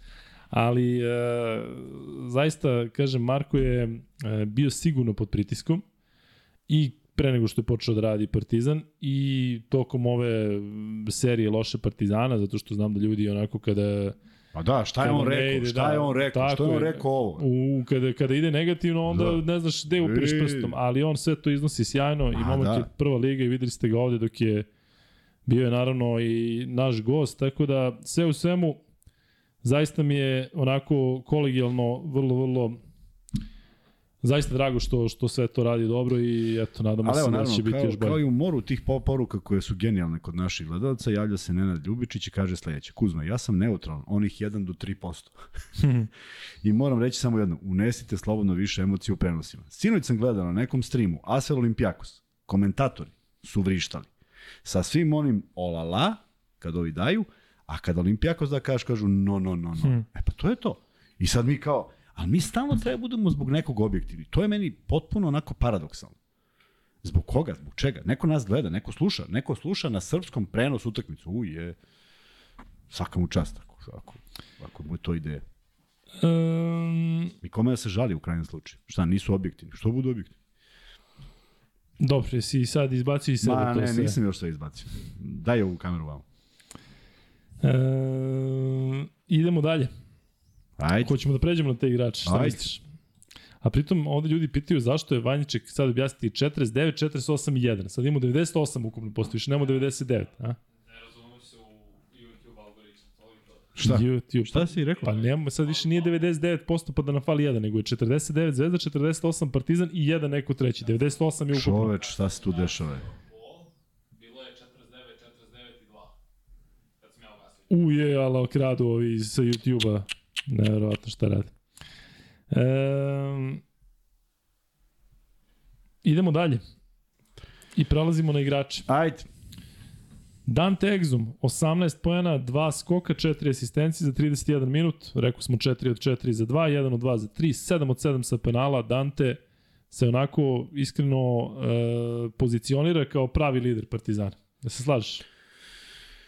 Da, i eto, mi smo pre tri dana, pre ovih svih dešavanja i neke njegove te forme koja je standardna, pričali smo o tome jer je pitanje bilo zašto Panter kapitan, naravno ne mešam se u Željkov posao i on bolje zna, ali meni je najsigurniji igrač koji bi trebalo da razmišlja o celoj ekipi, upravo neko ko je na toj poziciji. Nije on organizator igre, ali vrlo je fokusiran, nađe, zna da nađe prolaz do koša, što je vrlo bitno, donosi ozbiljan broj poena i ne štedi se. On se ne štedi ni u faulovima, ni u bilo čemu i racionalizovao igru ne izmišlja. Nema on šest šuteva za tri pojena, nego šutne 2, 1, 1, 2 i to vidio si u kom momentu je uzeo onaj šut kada je bilo biti ili ne biti, pa je, pa je prosto osetio da je to neki moment kada nema ništa pametnije, ne može se vrati na pola. Tako da ovaj zaista igra u dobroj formi i defanzivno i ofanzivno i, i, i, i krpi sve i pravi faulove kad treba i mislim da je on trenutno najpouzdaniji igrač u Partizanu na kojeg Željko može da se osloni jer nekako mi deluje da je ušao u neku svoju igru. Da li će to da varira sa 17 na 12, ali mislim da on sad jako teško može da bude bez poena ili da bude jednocifren, jedino ako uputi manje šuteva na koš, ali pronašao je sebi mesto. Da li je to dovoljno dobro za razigravanje ekipe? U ovom momentu mislim da to nije briga za Partizan. Vrlo je bitno da imaju poene u rukama, kao što su ih imali večeras. Sa 24 otići na 80, sa 28 otići na 82 nije ni malo lako prema tome uz sve te procente koje si rekao. To znači da je maksimalno da je maksimalno bilo a, racionalno korišćenje tih lopti. Ja volim tu neku racionalnost. Čovek je, čovek je dobar u tom prodoru i to je to je eksploatisao i nema tu sad nešto mnogo filozofije. E, kada već govorimo o racionalnosti i dolazimo do Nanelija i meni je drago što e, neke možda Panterove šuteve uzima Naneli. E, to mi se sviđa zato što Naneli je, čini mi se, mnogo bolji što se tiče selekcije šuta. Dakle, danas je, evo, recimo, Panter imao 0-2, obično on tu šutne 7-8 trojki. Nemam problem što je Naneli šutno 6, pogodio dve koje treba, tako da što se mene tiče Naneli, volio bih da na svakom meču Naneli uzme više šuteva za 3 pojena od Pantera. Panter, Panter bi trebalo da bude onaj igrač koji stoji u ćošku kada se dodigra dobra akcija i da čeka tu priliku. Mislim da je tu odličan. A ovo što on kreira, samo na dvojku. Samo naskok i šut. I to da, i to da mu bude glavno oružje. To, nema, to, to će teško ko braniti. Desit će se dobije neku rampu, jednu, dve, možda i ni jednu, ali on i to dobro rešava sa dobrim pasovima, dobar pregled igre. Prema tome, samo pojednostaviti igru. E, 18 pojena, 4 skoka, 7 asistencija. E, je danas košarkaš koji je u redovima Partizana imao najviše minuta, ukupno 33. 5 od 6 za 2, 2 od 6 za 3, Ko? 2 od 2 sa penala Naneli. Aha. E, I baš mi je drago zato što se videlo, videlo i da je on takođe bio onako prilično je istraživao verovatno šta se dešava ali jako lepo je izvukao, izvukao ovu Izvukao i kažem ti, žao mi je što nije drugačija ideja, ideja bila protiv Asvela. Mislim da bi on to rešio mnogo bolje. Zaista sam ubeđen da bi on imao mnogo više slobode da napravi taj neki šut i da je negde tu sigurniji. Nije on igrač koji kao sad zabode između dva igrača pa pronađe nekog svog. Prosto nije on to radio. Tako da, moguće da je ceo dogovor, ako ga je bilo, a želim da verujem da jeste, da on nije sad uzao onu trojku tako što mu palo na pamet, bio baš da se pokuša to. I time je rešena utakmica u suštini. Bar je trebalo da bude potpuno rešena, a nije još bila rešena, zbog opet nekih neverovatnih dešavanja, ali uh, mislim da je ovo dobar moment za njega koji je već bio izgubio sigurnost i pitanje kako bi izgledao da je on promašio i ovu trojku, jer onda onda to nije ono kao je biće prilike sledeći put, nego ma ne ti više ne možeš ništa, jer sve si promašio, a nije tako. Uopšte nije tako i on je vrlo jedan igrač koji je ovaj, pouzdan bio svih ovih godina, tako da ja verujem da on i dalje traži negde sebe da, da dođe u onu igru od, znaš kako, od 10 do 12 onih sigurnih poena, ali da to bude, pritom defanzivno je isto vrlo korektan bio danas, prema tome mislim da, da, da, da, ali će samo biti pitanje da li će on moći da izdrži bez izmene, tih 30 minuta. Pominjam si to da na kratko prekinemo. Generalno odbrana Partizana danas, ti se razlikuje u odnosu na prethodne meče? Mm, da, bila je bolja. Bila je bolja, bilo je tu mnogo boljih rešenja. Uh, svi su odigrali individualno bolju odbranu. Uh, Bobua je pogađao ostavljanje, ali nije prodirao baš kako mu je palo na pamet, iako jeste bilo, ali ne u onoj meri. I ne sjećam se da se neko baš od svih njih, Elijah Bryant ili bilo ko zaletao, pa nešto, pa čak i Clyburn. Nije se nešto lako zaletao do koša i lagano poentirao. Prema tome, bilo je tu dobrih, kada je bio Micić u prodoru, bio je faul uh, ovoga ili onoga, bio je na zemlji, bili su čvrsti faulovi, nešto što uradiš kao poslednju ovaj, mogućnost u odbrani, tako da sve to bilo okej. Okay. Ta, čak je taj Papa Petru napravio faul kad nije bilo uopšte njegova krivica što se prodora tiče. Ali prosto uradiš sve da ne bude lak, po, lak poen. I mislim da, da. su ipak, zahvaljujući tome, i kontrolisali rezultat. Um, idemo dalje. Panter je treći igrač koji je postigao 18 pojena, već smo komentarisali njegovu igru, pa ne moramo mnogo.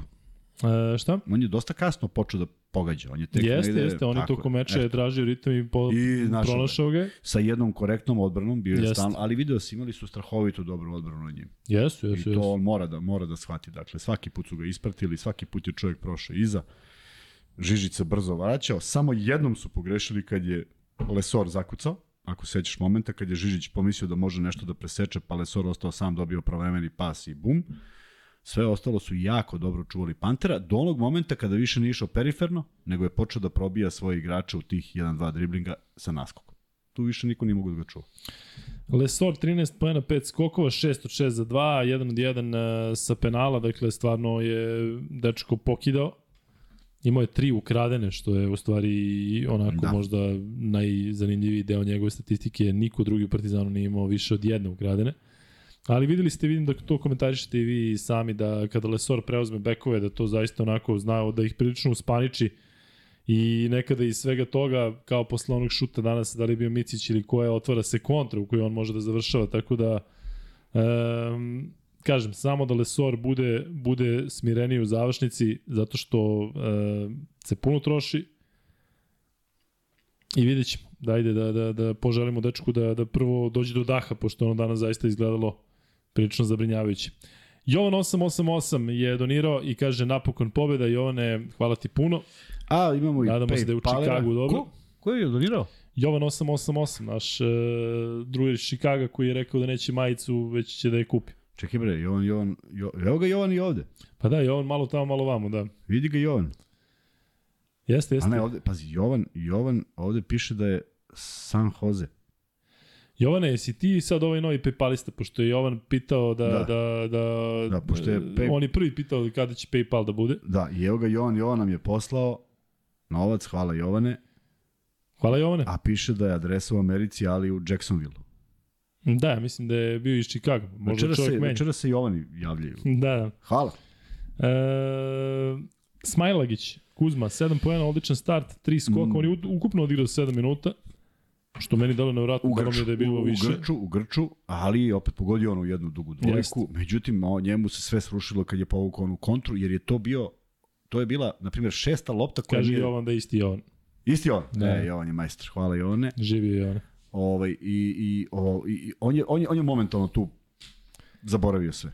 Zato što se nadovezala ta jedna izgubljena lopta u kontri, nadovezala se na 4-5 uzastopnih promašaja i onda je to izgledalo i ti čuješ taj uzdah u dvorani koji te potpuno razori, znaš. Izvinjenje, Panter imao tri ukradene na Lesor. Ovde ova statistika mi malo baguje, pa A ovaj... ja te da kažem. Da, taman si začutao, ja? Nešto ti je bilo čudno, ja? Hm, Potpuno čudno. Ma nije mi bilo čudno, čak one dve kontre, ja sam mislio, pa zar nije Lesor ukrao loptu? Vidiš da nije. Sve naši to su, znaju, ma, ovde to su reaguju. Panteru. Znaš da je bila jedna utakmica KLS gde je asistencija bilo, završila se utakmica sa 74 poena, a bilo 37 asistencija. Znači svaki koš je iz asistencije. Pa znači niko nije dao slobodno Da, bacanje. da. Ili niko nije uzeo solo da odigra. Mm, Da. E, Ledej, 4 poena, 3 skoka, 3 asistencije, kaže ovde da je u padu forme, neka Ledej radi svoje stvari, bit će on kako treba, kad treba.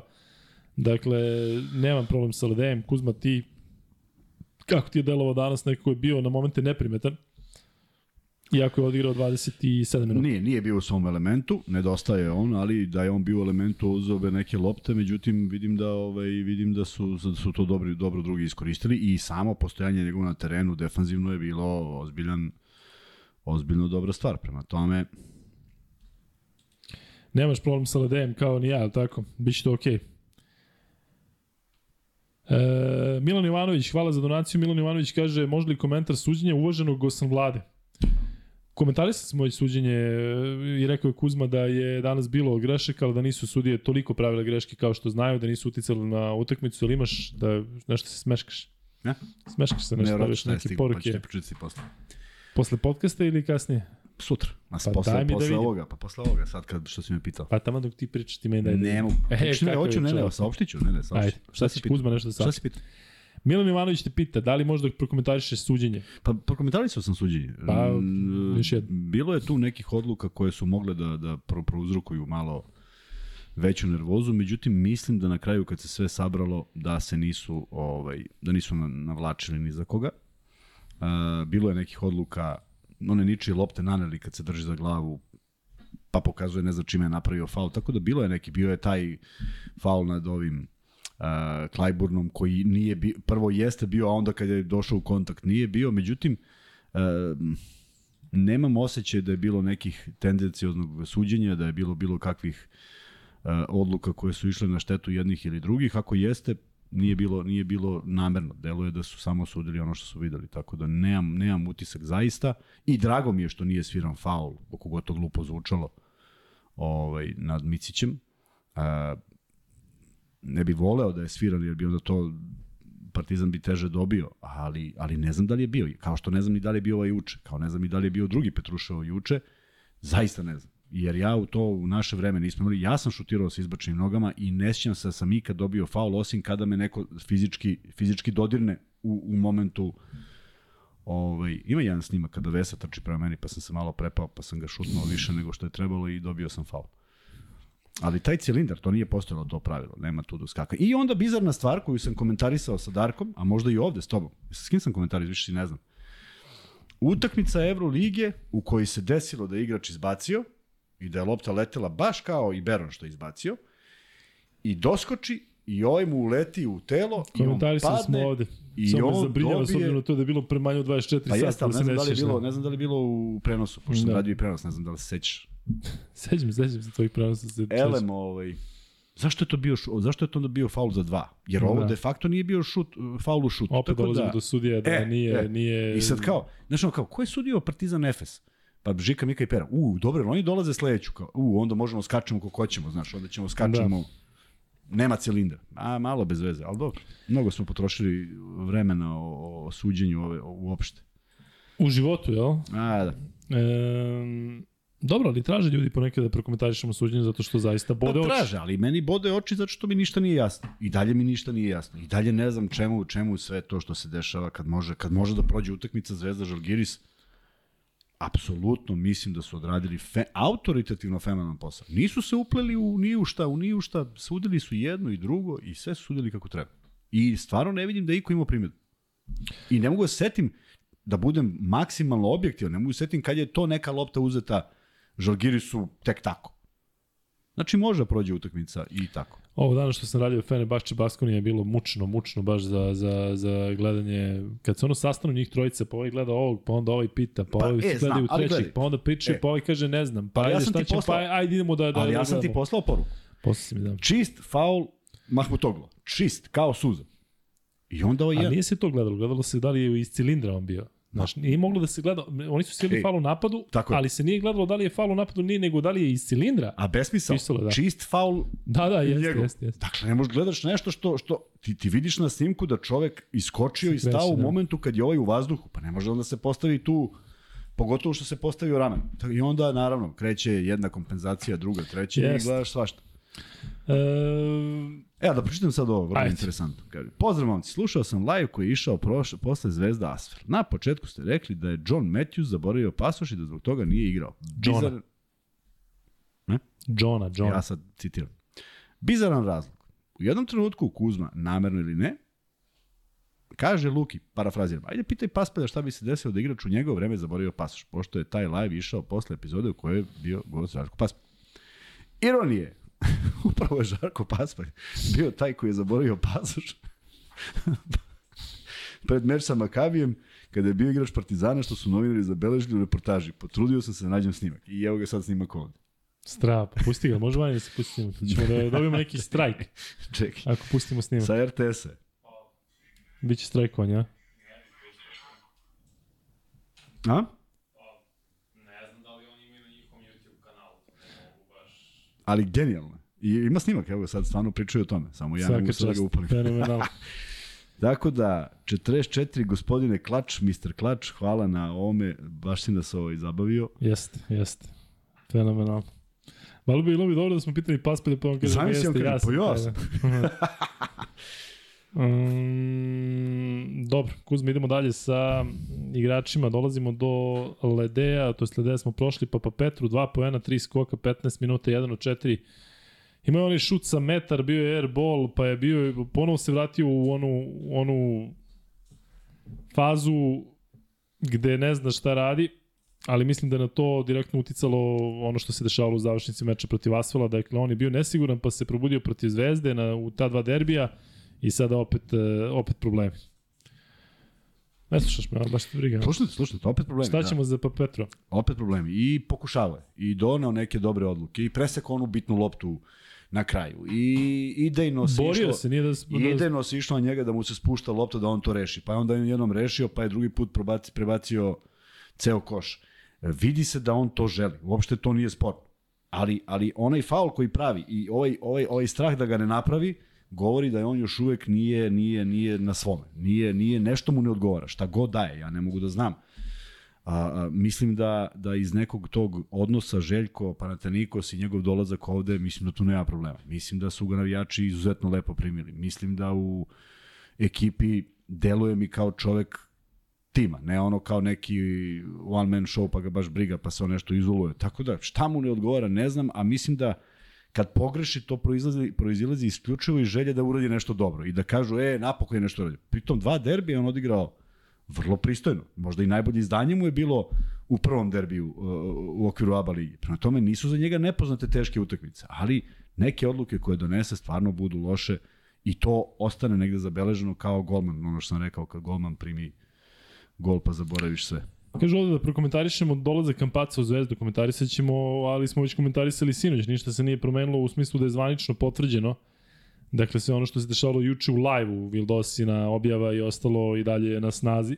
A pričali smo o tome sinoć, pričat ćemo i kasnije kada budemo pričali o Zvezdi i o Megi i najavljivali mečevi jednih i drugih u narodnom kolu ABA lige, a ovde ste nas pitali da pričamo malo i o narednim e, mečevima u Euroligi, pomenut ćemo, ali za to služi podcast u ponedljak gde ćemo se baviti naravno pre svega najavom, najavom uh, narodnog evroligaškog kola.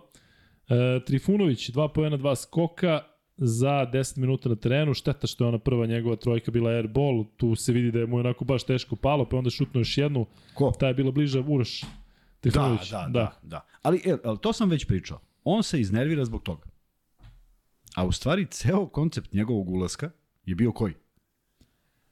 Da prati koga god treba. Micića, Pa dobro, i pratio je. Pa jeste. Okej, dobio onaj faul. Pa jeste, ali zato i kažem, ma šta se nerviraš čoveč? Jeste, ali nekako, znaš, to što ti pričaš, Pa mora, primetiš pa. ti i manjina. Pa dobro, ali A mora... svi će zapamtiti uh, više ono što se dešava u napad. Slažem se, ali, ali Znaš, moraš u jednom trenutku da ne prestaneš i pa znam, ali u jednom trenutku kažeš, ajde da se uvedemo utakmicu nekim prodorom. Pa možda ću izvijem neki faul, neću bacim preko table, da, daću neki lak koš. E, e, kažem ti, deluje mi kao da se ne zbog pogrešnih stvari. I potroši nenormalnu energiju. On sigurno kad uđe u igru, on ima 400 nekih ideja Jeste. u glavi. A treba da uđeš bre slobodnog, ono, otvorenog uma da, da, da, da, da koristiš. Ali nezgodno je, ovaj u suštini ih razume. Evo vidiš ovo danas Andjušić. Ti ne znaš da li si ti sledeći taj koji će iz nekog Ne razloga znaš. da ne igra ili ćeš igrati 10 minuta ti, To znaš, je jednostavno... takav posao, zašto je tako, vidi, pa vidi, Jeste. e, pazi, sad ne ulazim. Ajde, prokomentariši to malo oko Andjušića. Ne ulazimo oko Pa to ne i znam. ništa, ne, Ne, znamo, ne, ne, znamo ne da mogu. nije povređen. Da, ne mogu da I znam. opet Partizan dobio, pa ne možeš da kažeš E loša sad, odluka. e sad, tu je najveći problem kad Partizan dobije. Jeste. Uslovno rečeno, to je najgore za To znači igrača da i koji ne sledeći igrao. put treba da ne igra. Opet. Ali, ovaj, ali isto, isto misteriju imaš i na drugoj strani. Pomisliš Dunston nešto mu fali, ne fali mu Da. ništa, čovjek odjednom se pojavi minut pred kraj. Tako da, i tu su neke trenerske odluke koje u koncepciji igre tebi može da odgovara. Ja sam istog momenta, kada je Željko izašao na, na, ovaj, na, na teren sa pet igrača, pomislio da on neće menjati ništa. Ja sam, ja sam bio iznenađen kad je promenio i to malo. Jer sam mislio da, da, da je našao pet kojima može da veruje i rekao, braćo, ajde, cepaj za, za sve pare, 40, još 20 minuta, pa šta bude. Tako je delovalo. Ja mislim da se da se Lesor, da Lesor nije kolabirao u jednom momentu kad je pao, da možda ne bi ni bilo izmene. Jer stvarno je doneo to nešto što si ti sad morao grčevito da sačuvaš. A nemaš, kad se okreneš na klupu, ne možeš da kažeš da će to da se desi kad neko uđe. Realno, to je realnost, ne navijački ili bilo šta, to je nažalost realno. Lazar Stanković kaže stvarno 1200 ljudi gleda, a 260 lajkova, pa ne plaća se ništa majku mu. Ne plaća se ništa, istina je, ali ovaj, um, juče smo probali da dođemo do 12.000 uh, subscribe-ova u live-u. Ajde da probamo i sada. Koliko nam fali Kuzma? Sada, trenutno, u 2 sata ujutru, fali nam Tačno 2 sata ujutro. Šta kažeš? 23? 32 nam fali. 32. Kako Yes. vidiš ti tu, Vanček? Te ja to da vidim. bre. pa samo ti ne vidiš. Samo ti ne vidiš, čovječ. Ne vidim ništa, ti da, ti da mi ne pošlješ ujutru ove naše parametre. A, a kako bi ti da gledaš? Kad bi, kako bi bilo interesantno ja to otišao? Ne, ovo što mi pošlješ ujutru je, znaš koja mera, znači taman onako ustanem, Kuzma pošlje se dg, dg, dg, dg, dg, dg, ja kažem ti, bravo, pola ono ne razumem, I onda nastiš da spavaš. pa nego šta. E, Svako jutro u šest ti piše. svako jutro u šest. E, da, koliko, da vidimo da li ćemo baš da, da sa... Hoćem, hoćem, moram. Ivanček, znaš šta me zanima? Zanima me da ponovo staviš pol Zvezde i Partizan. Je nekako neozbiljno, ono je bilo nekako na egalu, zato što e, kada su došli ljudi i kada su pričali sa njima, 1200. E, što ti nije jasno, što je nezadovoljan si, ja? Fenomenalno.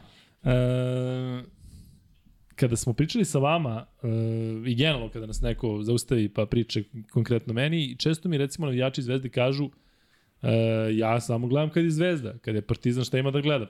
A imam čak i neko, neki ljudi koji kažu pa da ja premotam, počne malo kasnije pa premotam da na ovo što mi se, što mi se sviđa. Tako da je zanimljivo da je sada otprilike odnos 50-50. E, I evo sada, zato, mi zanima da stavimo pol, da vidimo da li se nešto izmenilo umeđu vremenu, u smislu da li su se priključili 24. više brojevi.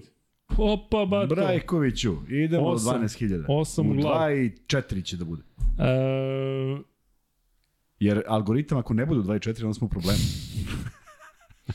e, ovoga puta ćemo da čekamo da se nakupi ovaj votes do 500 da nam to bude mera. Samo Ali- pozdravim Red Star Forever koji se oduševio pitanjem o Enriku Palacu. Eto. Da, najbolji bio onaj odgovor kao to je ovaj što Kuzmi pokazuje srednji prst, da. E, I danas su ga nešto pominjali ovde, taj je postao... Šta šta? Tamo sad, pošto si spomenuo za juče što je bilo pitanje. Hoćemo, hoćemo. Luka, reci u live da je Kuzma bio bolji igrač od polovine koji sada igraju u Zvezdi i Partizanu. Prema što je kaže, Hvala. to je činjenica. Tu što se kaže u live to valjda svi koji koji pratite podcast, a niste gledali Kuzmu, vjerojatno mi je jasno. E, evo jedna interesantna, ovaj, nije, nije free bet, ali je interesantna zato što sam danas pričao sa Dabom, jer mi je poklonio knjigu, ono, novo izdanje. I pogledao sam, na moju veliku žalost, moj odnos utakmica protiv Zvezde. Pošto je Zvezdina knjiga, pa to mogu da vidim, logično. E, ja, mene si pitao, pa sam ja odgovarao, ajde sad da vidimo da li šta će ljudi da odgovaraju. Pa znaš da će pisati ono brojeve, što ne valja. Kako misliš? Pa znaš da će krenuti 1-1, 2-2, pa će neko da ovaj, ubode. Dakle, Pa šta fali? Ne, ne, ne da bude free bet, nego da ovako pita ljudi. Kada a, ovako da ne bude piše, free bet, da. Ne za free bet, nego Dakle, da, da. ovako, ja sam igrao dve godine za OKK Beograd, tri godine za Beočin, pa ne računam godinu u Zvezdi, dve godine u Beobanci i tri godine u budućnosti. To je ukupno koliko sezona? Odigrano je ukupno, Nemoj da kažeš koliko mečeva. a da ne kažem koliko. Nemoj koliko mečeva, To reci koliko to sezona. je 2, 5, 7, 10 i u jednoj sezoni je bio playoff. Dakle, 10 plus sezona. Da. I sada vi recite koliki je Kuzma imao u tim klubovima odnos protiv Kuzma, Crvene Kuzma, zvezde. Kuzma protiv Crvene zvezde. Da, kako računaš to kad si igra u Zvezdi? To ne računam, a ta se sezona računa.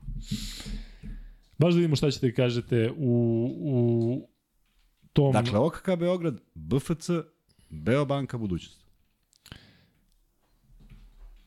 I takođe kada stignete baš napišite kao što recimo Nenad KG rekao da Nenad KG je jedan od malobrojnih koji su taj neko treći, on kaže da raz, Nenad za Ljubičić. radnički kraj. Pa to je Ljubičić. tako? Da, da. Da, vidim vi koji ste neko treći, baš da vidimo ko je taj neko treći. Um, dobro, Kuzma, nema šta da... Evo šta maltretiramo ljude. Batali je ovo pitanje. Ajde free bet. E, ima možda, možda ima jedan interesantan free bet ako hoćeš. Čekaj bre da ljudi ovo odgovore. 8-15, Vuk Grbić kaže. Nije. 10-12, 16-7, 16-7, ko je rekao 16-7? Mateja Babić, Nije. blizu je. Blizu je. Sada smo prilike rekli 10-13, 10-24, pa nije igrao protiv Kuzma protiv Zvezde svaki dan. 16-0, ovde se malo šale. Šale se. 17-12, 10-14, 17-4, 17-14, 4-15, 6-6, 30-18, 12-6, 14-6. 14-6 je jako blizu. Da, 14-10, 5-15, 8-16, 8-17, 13-19, 4-14, 7-9, Dobro, sad kad smo rekli da je blizu, sad će vjerojatno neko da pogodi, ali Kuzma, ti reci, odnos ti je bio koji? 14-7. 14-7. 3-1 u... Duplo više pobjeda nego što je imao. 1-3 1-3 u OKH Beogradu. U BFC-u 7-2. A što nisi knjigu tu donao? Čekaj da vidimo, da, da to objasniš našim A, vernim bez gledačima. veze, što nisam donao, otkud znam. 7-2 u BFC-u, 0-2 u Beobanci i še- 6-0 u budućnosti. Svih šest puta si pobedio Zvezdu. Mislim da da. Ili možda Kakav si ti ili čovjek možda- je. Ili, da, mislim da jesam. Tako da, ti e, zvižde meni je- sada kad ne, se pojaviš od ne, pa ne, meni je žao što je tako, ja sam, ja sam, e, opet sam našao taj deo u kojem je Daba pisao, ja sam mu dao intervju, Saša Zlatarević napisao 14-7, ali već kad smo rekli da, Da. je, da je bilo blizu. E, ali vidi u čemu je for. Stvarno, stvarno za ove mlađe naraštaje, ovaj, koji nemaju Dabinu knjigu, a to jedino tamo može ili u nekom mom intervju. Zaista se desilo to da smo mi na jedan neverovatan način srećom, srećom, ovo sada kažem navijačima Partizana, Partizan je bio bolja ekipa. Imali su tim već godinama i stvarno smo strahovali šta da radimo kad se nađemo. Međutim, mi smo pobedili budućnost, a FNP je izbacio Partizan. I mi se ne nađemo u finalu s Partizanom, nego se nađemo sa FNP-om, pobedimo 3-1. I sad zamisli kada ti svi imamo dvogodišnji ugovor. Čak ovi mlađi igrači više godišnji. I to veče se rasformira tim. I to veče otpuste nas petoricu. Mislim, nismo mi otišli to veče, ali to veče smo znali da je to to. Ko? Ti? Benčić? Topalović, Benčić, Perović, Mišković i ja. Sa idejom da se napravi Evropska zvezda. I mislim da je to najgori učinak jedne ekipe u Euroligi do tada. Mislim da je Ta Zvezda sledeća imala, sezona, da, jel? mislim da je Zvezda imala samo tri pobede. To kad je bio divac, sećaš se. Sećam se, ono Mislim da su bile samo da. tri pobede, da. I onda paradoks da bude još veći, svi smo se negde snašli, ovo je otišao vamo namo, a onda se desilo da se u budućnosti pojavi ozbiljan broj zvezdinih igrača. Što je sve moglo da bude u zvezdi. I to je moglo da traje, ne mogu kažem da smo mi mogli tamo da osvajamo titulu za titulom, daleko od toga. Ali da budemo konkurentni, da budemo stalno među četiri, da budemo u finalu, da pokušamo, apsolutno da. Šta si mi beše pričao da je bila neka drama oko Topića, neki nešto je neka izaš neki članak, pa ne znam šta. Pa jeste, pa to je svašta tako bilo, da, pa ispalo da je on izdao, on čovjek čekao posljednji dan prelaznog, posljednji sat prelaznog roka da bi prešao u budućnost. I sve stavio na kocku i rekao ja ostajem u Zvezdi. I oni mu pričaju s 5 dana da je, da je završeno sve, da je završeno, da je završeno i on shvati u 3.15 da nije i sedne u avion i dođe u Podgoricu. Vrlo nerado. Dakle, to su njemu zamerali kao napustio Zvezdu. Nije želeo. Ne da nije Da. želeo, nego niko od nas nije, nije želeo pa smo otišli. Jel, e, se čujete? Da, čujemo se i tamo je Jel znamo i dalje u kom je timu? Pa Chengdu. Blue Shark, je li tako? Chengdu, Blue, Blue Whale, Sharks. Blue Whale, neki kitovi jajkule. Stalno u tim nekim bublima, još uvek je tamo COVID, sve se tamo i dalje dešava. Malo nešto su kao popustili. Znaš? Pa jesu, ali oni, oni srećam oni kad uđu u taj neki uh, resort, onda makar tamo mogu da se kreću. Ne verujem da, je, Da. da je tamo nešto sjajno, svi pričaju da je tamo divno, ali ja nešto mislim da kad se sve sabere nije uopšte lako. Vratit ćemo se na Partizan uskoro i na Efes, Da, pa ćemo pričati još malo. Ali E, ajde- ima još jednog Paypalera, Opa, bato. Aleksandar Ninić. Bravo, Aleksandar. I šalje sekove, to je tvoj zemljak. Sekove. Pa da. U krunama. Pa jeste. A šta je u Paypal, na Paypalu isto i u različitim... Uh, Pa nego. ozbiljno? Baš Da. iz koje su države? Pa ne, piše seki. Pa možda mu je to nadimak. A, da. pa nema šta drugo da bude. Da. Šta ja lupam? Zna li Kuzma Veljka Katića? Ne. Vrlo kratko i jasno. E, da, e, Vanček, dajte glasite Da, za ovo ga. Partizan Da, Zvezda ga. nekako trećeg. E, da znamo da, da vidimo, u stvari Vanček gasi, ajde ovo, da možemo da pustimo free bet, jer kada imamo ovo ispred sebe da ne mogu free bet Ne da piše pustim. dakle Aleksandar Ni- Ninić, samo piše da je da je uplatio sekove. Hvala Aleksandre, imamo novog pay drugara. E, pitanje za Kuzmu, koji mu je omiljeni igri sagrači Zvezde i budućnosti? Topić. E, Luka Kuzma, koje biste košarkaško pravilo promenili da možete? Ja govorim u Kuzmino ime, on bi ovaj video ček i ovaj, ovaj, ovaj faul nap, ovaj nesportski bi Nesportski on- faul da se izbriše, da postoji nesportski pravi, onaj što su ga zvali u NBA flagrant faul, kad padneš nekom na glavu, namerno ga povrediš, to da postoji, da bude drastičnije kažnjavano ako treba, ako ti vidiš da postoji namera, da se izbaci ovo jer se, jer se ubija košarka. Video za svaku odluku ni pod razno, challenge nejasno, ogromna moć se daje sudijama. Ogromna. Može da... Evo pa evo, samo ne gledaju ljudi. Nek uzmu, nek uzmu danas utakmice pa će vidjeti različite sudijske odluke na, na više utakmice. Zašto? Čemu to služi? Kaže, zato Kuzma brani Berona, on je ubio Zvezdu kad je stigao. E, Partizan 51%, Zvezda 45%. Kažem ja da zvezdaši lagano idu da spavaju, iako treba tek da pričamo o Zvezdi i Megi. Ali sad ima 4000 ljudi. Da. E, da li je Alena Smajlagića deli godina dve iskustva ili to nešto u glavi da bi bio jedan od najboljih i najraznovrstnijih centara u Evropi? Mislim da je za njega najbitnije da bude zdrav i da ima neki kontinuitet zato što u posljednje dve godine je zaista bilo iseckano tim povredama. A onako se sećate, on je kad je došao u Partizan bio prvi koji je morao da odstuje zbog povrede kolena na prijateljskom meču protiv Zlatibora. E, I nažalost toga je, toga je pratilo prilično. Neko mi je juče napisao ovde ili danas da je blizu Sopranove kuće, blizu Juniorove kuće. Ti koji si to napisao, ti se javi, molim te, što pre, dakle, to je vrlo značajno. Inače, jedini podcast koji ja gledam, Vanče koji je? Jedini podcast koji ja gledam, Kuzma koji je? Nemam pojma. Jedan jedini. Pa ovaj naš. A kako je ovo? Ovo ne gledaš? Moga mi preko glave. ovaj, to je podcast. Jesi ti gledao Sopranovice? Jesi ti gledao Sopranovice? Ne. Se okne ja prema manje. Ček, neozbiljno. Gledao, gledao Ja ću da remetim, ja ću da, da, da pričam dok ti pričaš. Ovaj, podcast imaju uh, Jamie Lee Singler i Robert Tyler koji glume Sopranovu decu. I to je neki treći lik Kasim G. I podcast je mnogo manje gle, gledan od našeg.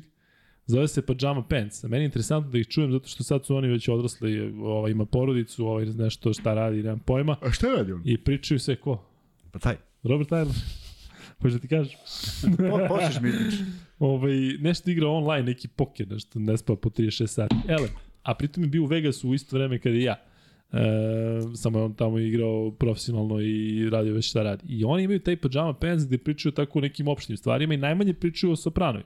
Tako da, dragi gledalci, ako vas zanimaju Sopranovi, i dalje možete da gledate dakle, Pajama Jamie Lee. Singler i Robert Tylera, koji glume naravno AJ-a i Meadow, možete da ih gledate uh, u Pajama Pants. Pritom im je, sada oni svako kod svoje kuće i tako se uključe i pričaju, ali su dovodili i goste, do, došli, dolazili su im ljudi koji su glumili u Sopranovima, Tako da eto, malo reklame iza njih. Sad ćemo, A! znaš šta ćemo da uradimo? Ovo ćemo da isečemo i da im pošaljemo i onda oni dođu kod I nas. da prevedemo, kod da im njih, prevedemo. A, jedina utakmica koja je mogla da oduzme, koja je mogla da oduzme primat večerašnjoj utakmici Partizan Efes je koja?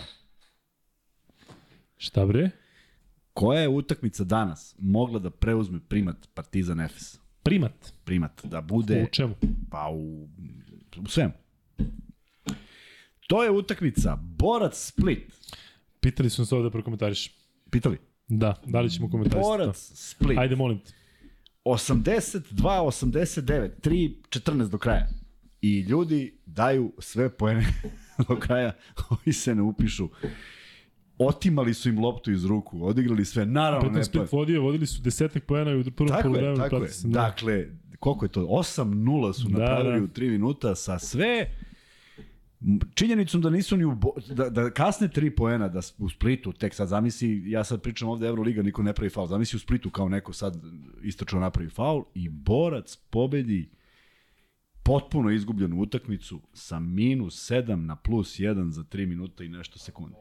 Kao da su bili 30 Ne, ne, jeste, bilo je, bilo nešto Ne, da ovi pa, do kraja... da je 30 bila sekundi pa da. kažeš neko je pogrešio, 3 i po minuta, dakle Da, ne nije da to, daju znaš, ne, ne može, ne može To da su oni daš koš. šorteri kompanija Splitska. Da, tako da je genijalno, obradovalo me to, zato Jeste, što... I na meni isto, zato što da, taj Split je pobedio Megu, Tako sad su bili borac, dakle da ovi tankuju i dalje.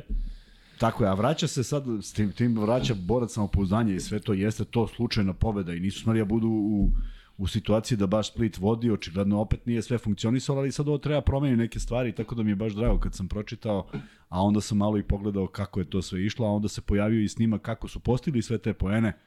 Dakle, dali su, dali su trojku, kako se zove, kako se zove, back, neka mi ne zameri, ne zapamtim ništa.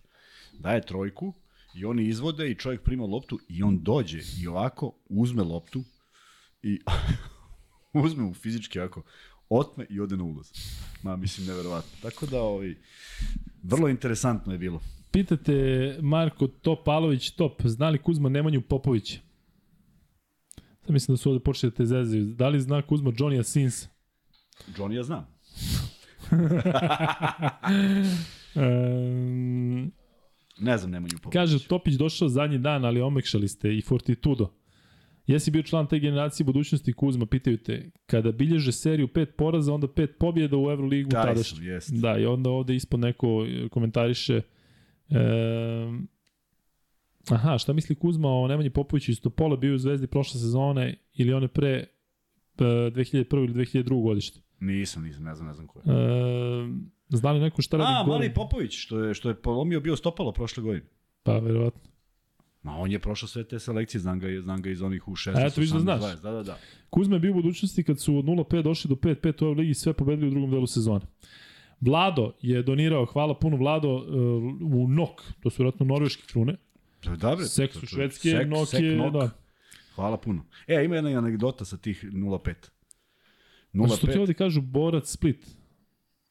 A? Što ti kažu ovde borac Split, borac Split, borac Split, jesi ti rekao nešto drugo? Ne, Borac Split. Aha, ne, ovo su komentarisali kada je Ku- Kuzma pitao koji je meč mogao da uzme prima, A, da, pa su da, onda da. rekli, pa su onda pogađali E, pazi Saba. pazi ovu foru. Ovaj, mi krećemo tu ligu užasno. Izabrali smo Sarajevo kao grad domaćin, nije bilo prijatno igrati tamo i igramo tri u gostima, dve kod kuće, sve gubimo. U stvari, tri putujemo, a dve igramo u Sarajevu. I 0-5, a ja u Podgorici tek došao. Znači, to je prvo, to je prvo je počela Maltene Euroliga pa sve ostalo. I izađem ja u Njegoševu ulicu, glavno mesto koje se seče sa Hercegovačkom i tu su svi podgorički kafići. I idem I imaš onih namrgođenih, znaš, ali niko ništa. Ja slabo znam ljude još tada, tek sam tu bio par meseci. I tražim nekoga iz kluba. Nigde nikoga. I posljednja kladionica u, u ulici, ja ovako stanem da napravim sad krug nazad. I pogledam i vidim da li je, da li nije, ja mrak, znaš. Kade? Ja rekao, šta radiš, bre, ovde je kako lep dan. Ma kaže, čuti, kaže, bre, nešto, igram. Ma daj, rekao, iđemo. I nagovorim ja njega jedva. I sad posle shvatam zašto je jedva. Da se razumemo, govorimo o Deji Radonjić. Dejo Radonjić. Vraćamo Deji se i Savićević. ja. Majmune! Pet nula, to jest 0-5. Pa onda psovke. Ja kažem, Dejo, sad sam prošao. Niko mi ništa nije rekao, ovo je zbog tebe. Tako da ovaj, nije bilo prijatno, ali smo napravili, kako smo napravili taj, taj loš učinak, tako smo napravili 5-0 i imali smo u tom trenutku ovo što je Zvezda napravila jednu seriju, tako smo imali tu, tu u tom trenutku najveću seriju u Euroligi od pet pobeda i, i ponosno došli do tog nekog ovaj, četvrtfinala, ali nije moglo dalje. Panathinaikos bio mnogo jak. Kaže Aca i Nikola, ispratit ćemo pidžama gaće, pozdrav iz Džersija, ne pitajte kog dela vozim. Dobro. E, Marko Mladenović kaže Jeretin radi u Savezu Crne Gore, pitaju se ovde gde je Goran Jeretin, a Kopriva, mislim na Jovana Koprivicu i Gense Ku nešto... Sportskom savezu Srbije ili Sportskom savezu Beograda. Jovan Koprivica je moje godište, on je bio jedan od talentovanijih igrača u tom godištu 82. Šta je, novi Paypal, a? Novi Paypal, Saša Zatarević sa fenomenalnom porukom. Pozdrav za svu trojicu od grobara iz Njujorka. E, ekstra, volimo Eto kada se jave, kada se jave Njujorčani i ostali. A Aleksandar Ninić se javlja i kaže čudi mi da na Paypalu ne piše odakle ide. Pa odakle bi sekovi bili nego iz Švedske, sa C, fenomenalno, i osmeh. Čekam vas u Kungsagenu. Kungsagen. Kungsagen? E, kako je U sa dve tačke? Ne. Kungs. Sagen. Sagen.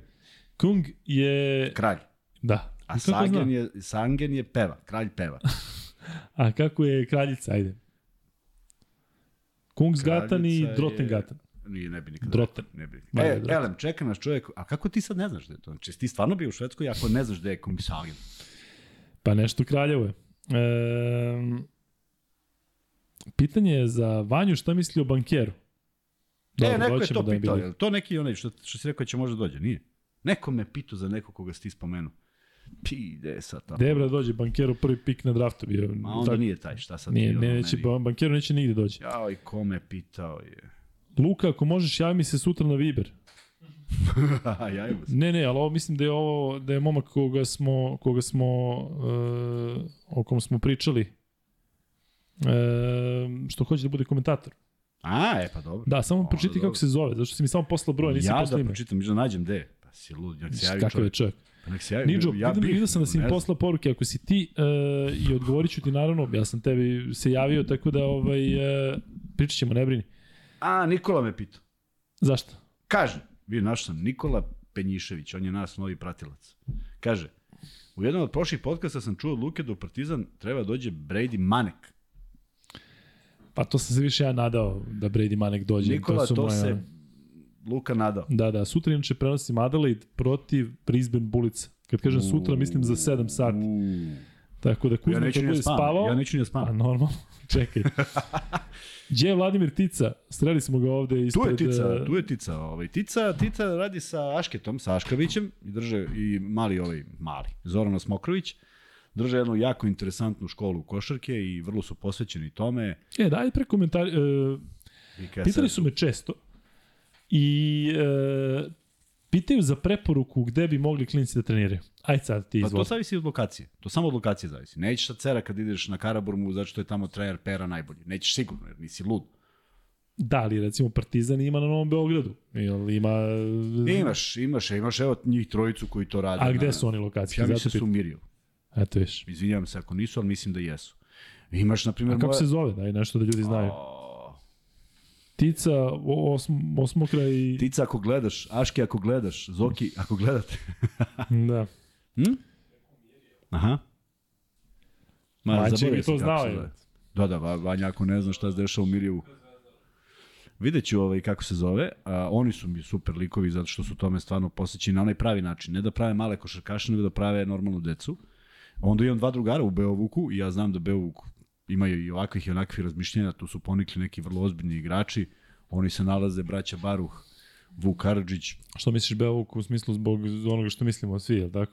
Ne, Beovuk Da, zbog smislu- toga što ima, ima dodira sa, sa košarkom prve B, prve lige i sve to, a u stvari su locirani na nekoliko mesta. Da, jesu. Da, Pa i dalje su nisu- Vuku, Da, i dalje su u Vuku.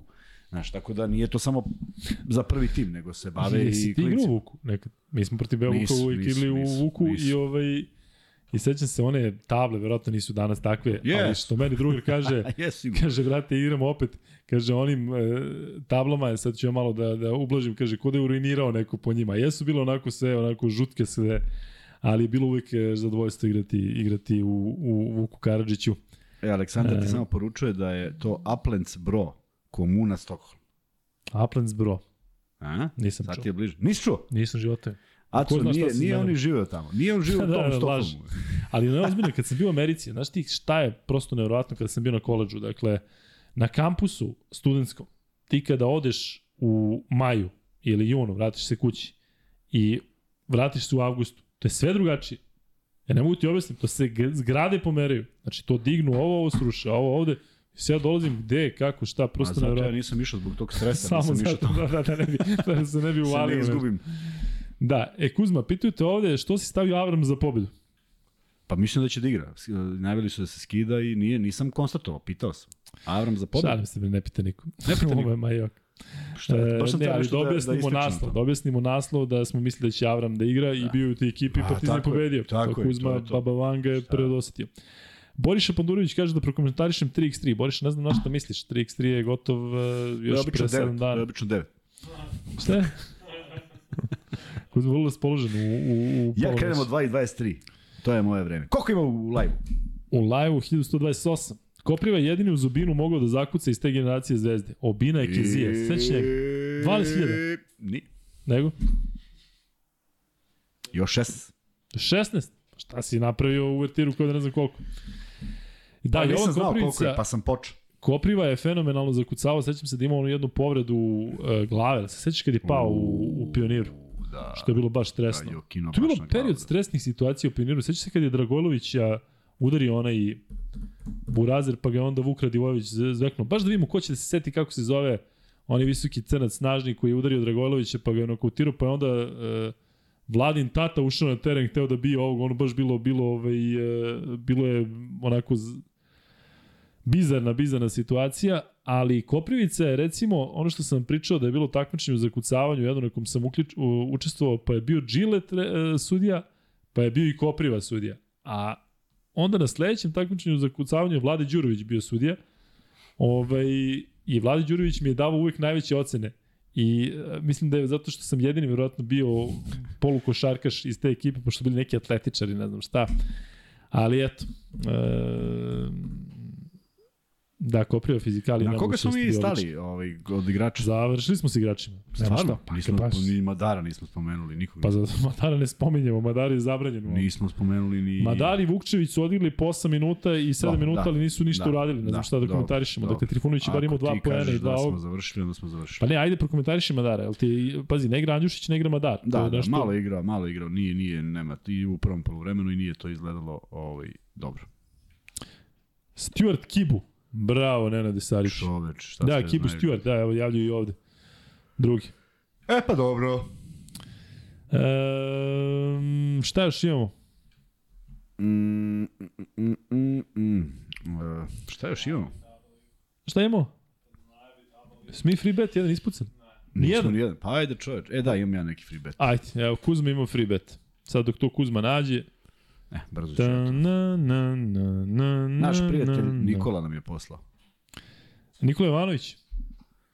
Malo je, malo je zbunjujući, ali dok ne pročitaš na 7-8 puta. A, Nikola Poslao je. Jovanović nije. Nije. Jedan od naših Nikola prijatelja Beljkaš. Nikola. Nikola Beljkaš. A Nikola Beljkaš. Nikola Beljkaš ima dobre free betove. Šta kažeš, Venček? Da.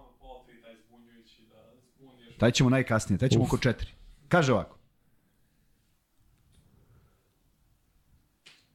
Navedite redne brojeve prvog izdanja podcasta sa Lukom i Kuzmom koji je išao uživo.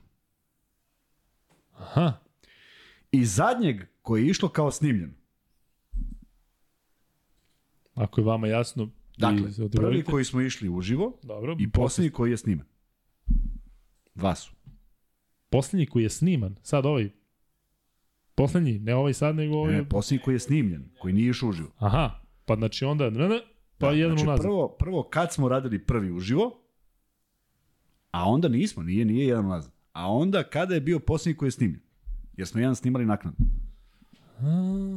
E, pa dobro pitanje. Ali oko četiri da, očekujemo. hoćeš da kažeš da smo prvo radili jedan uživo, pa smo opet ne, se radili smo vratili na ovo? nekoliko uživo, pa smo jedan snimali. Uje, pa to ne znam ja. Pa znam da ne znaš. Samo ja znam odgovor. I 34, zato budite dobri. 56, 34, 35, Znao sam da će 001, krenuti. Pa to je to. 108, 17, 8, Tačno. 14, 25. Daj, nemoj me zezati, daj ovde, znaš šta, šta izlazi se. Pa ne treba da izlazi, nema. I samo jednom pokušaj ima. Ko, ko zvizne 1, 2, nema. Ću dodam do WC-a, kunim ti Pa se bolje, sumijem pa čekaj, što, da što prela- čukaju, bolje pogledaj.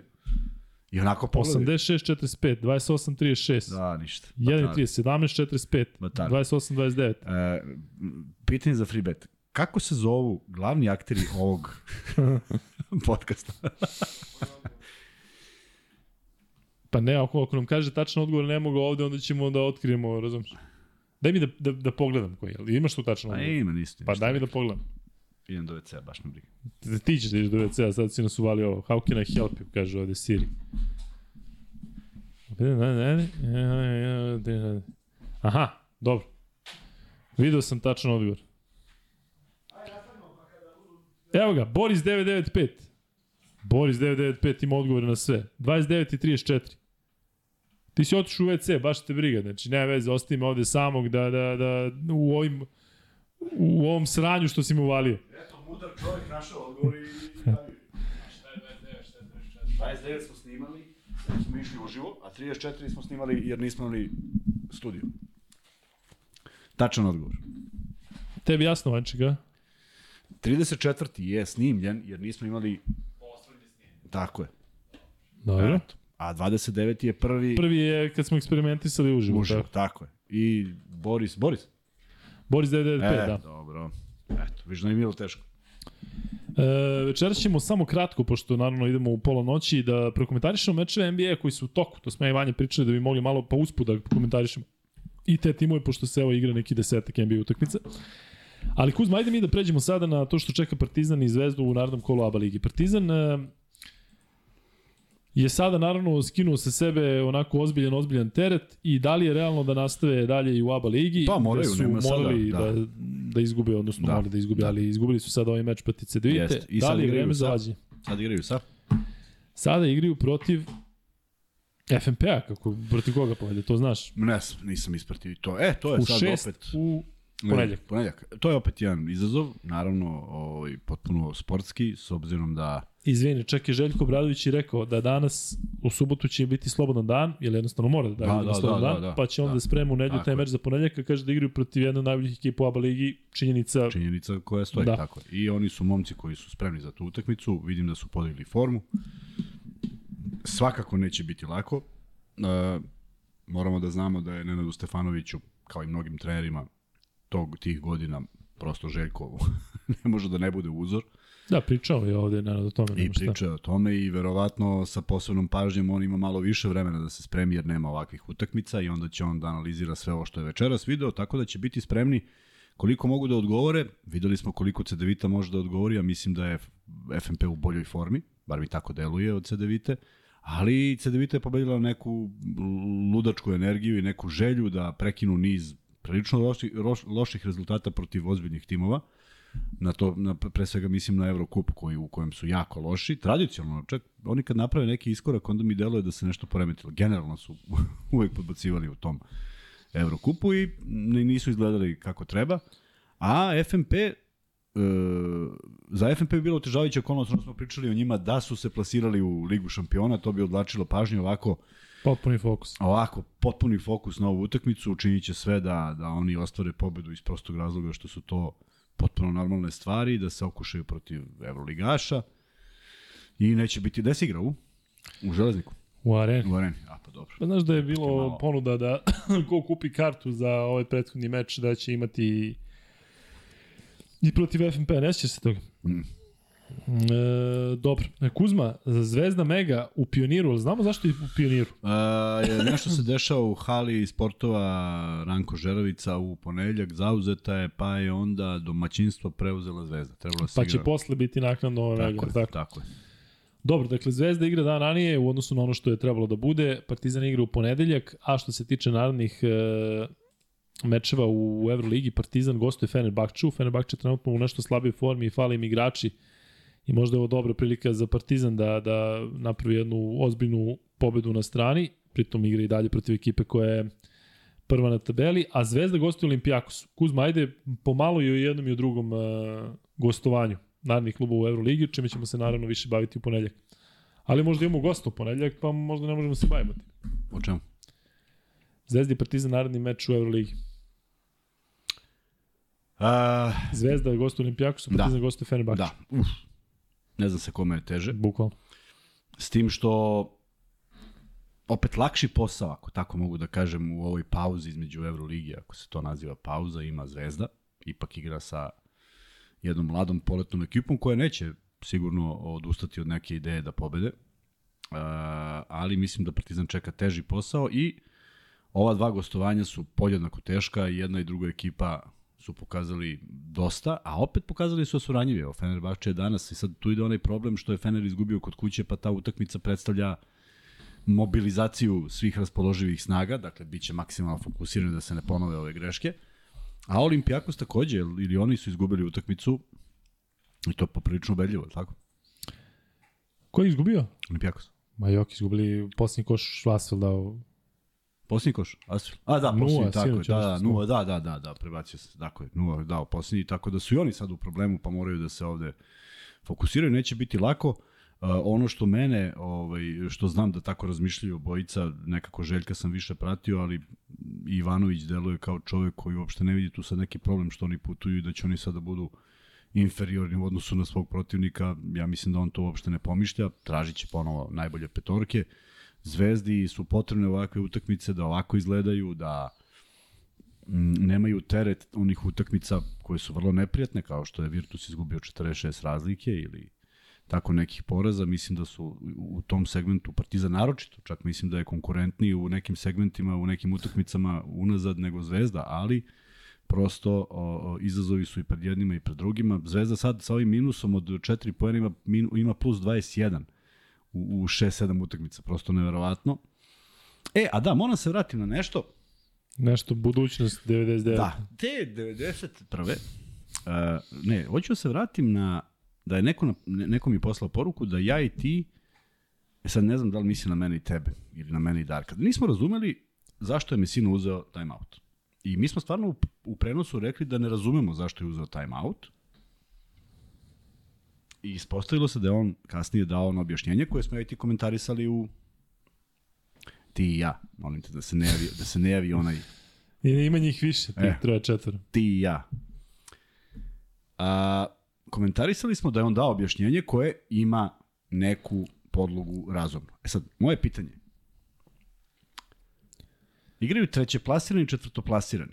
Trećeplasirani ima plus 17, a četvrtoplasirani ima plus 34. Ovi ako pobede 18, oni će biti u međuskom skoru bolji ako se to ikad desi za 24 kola.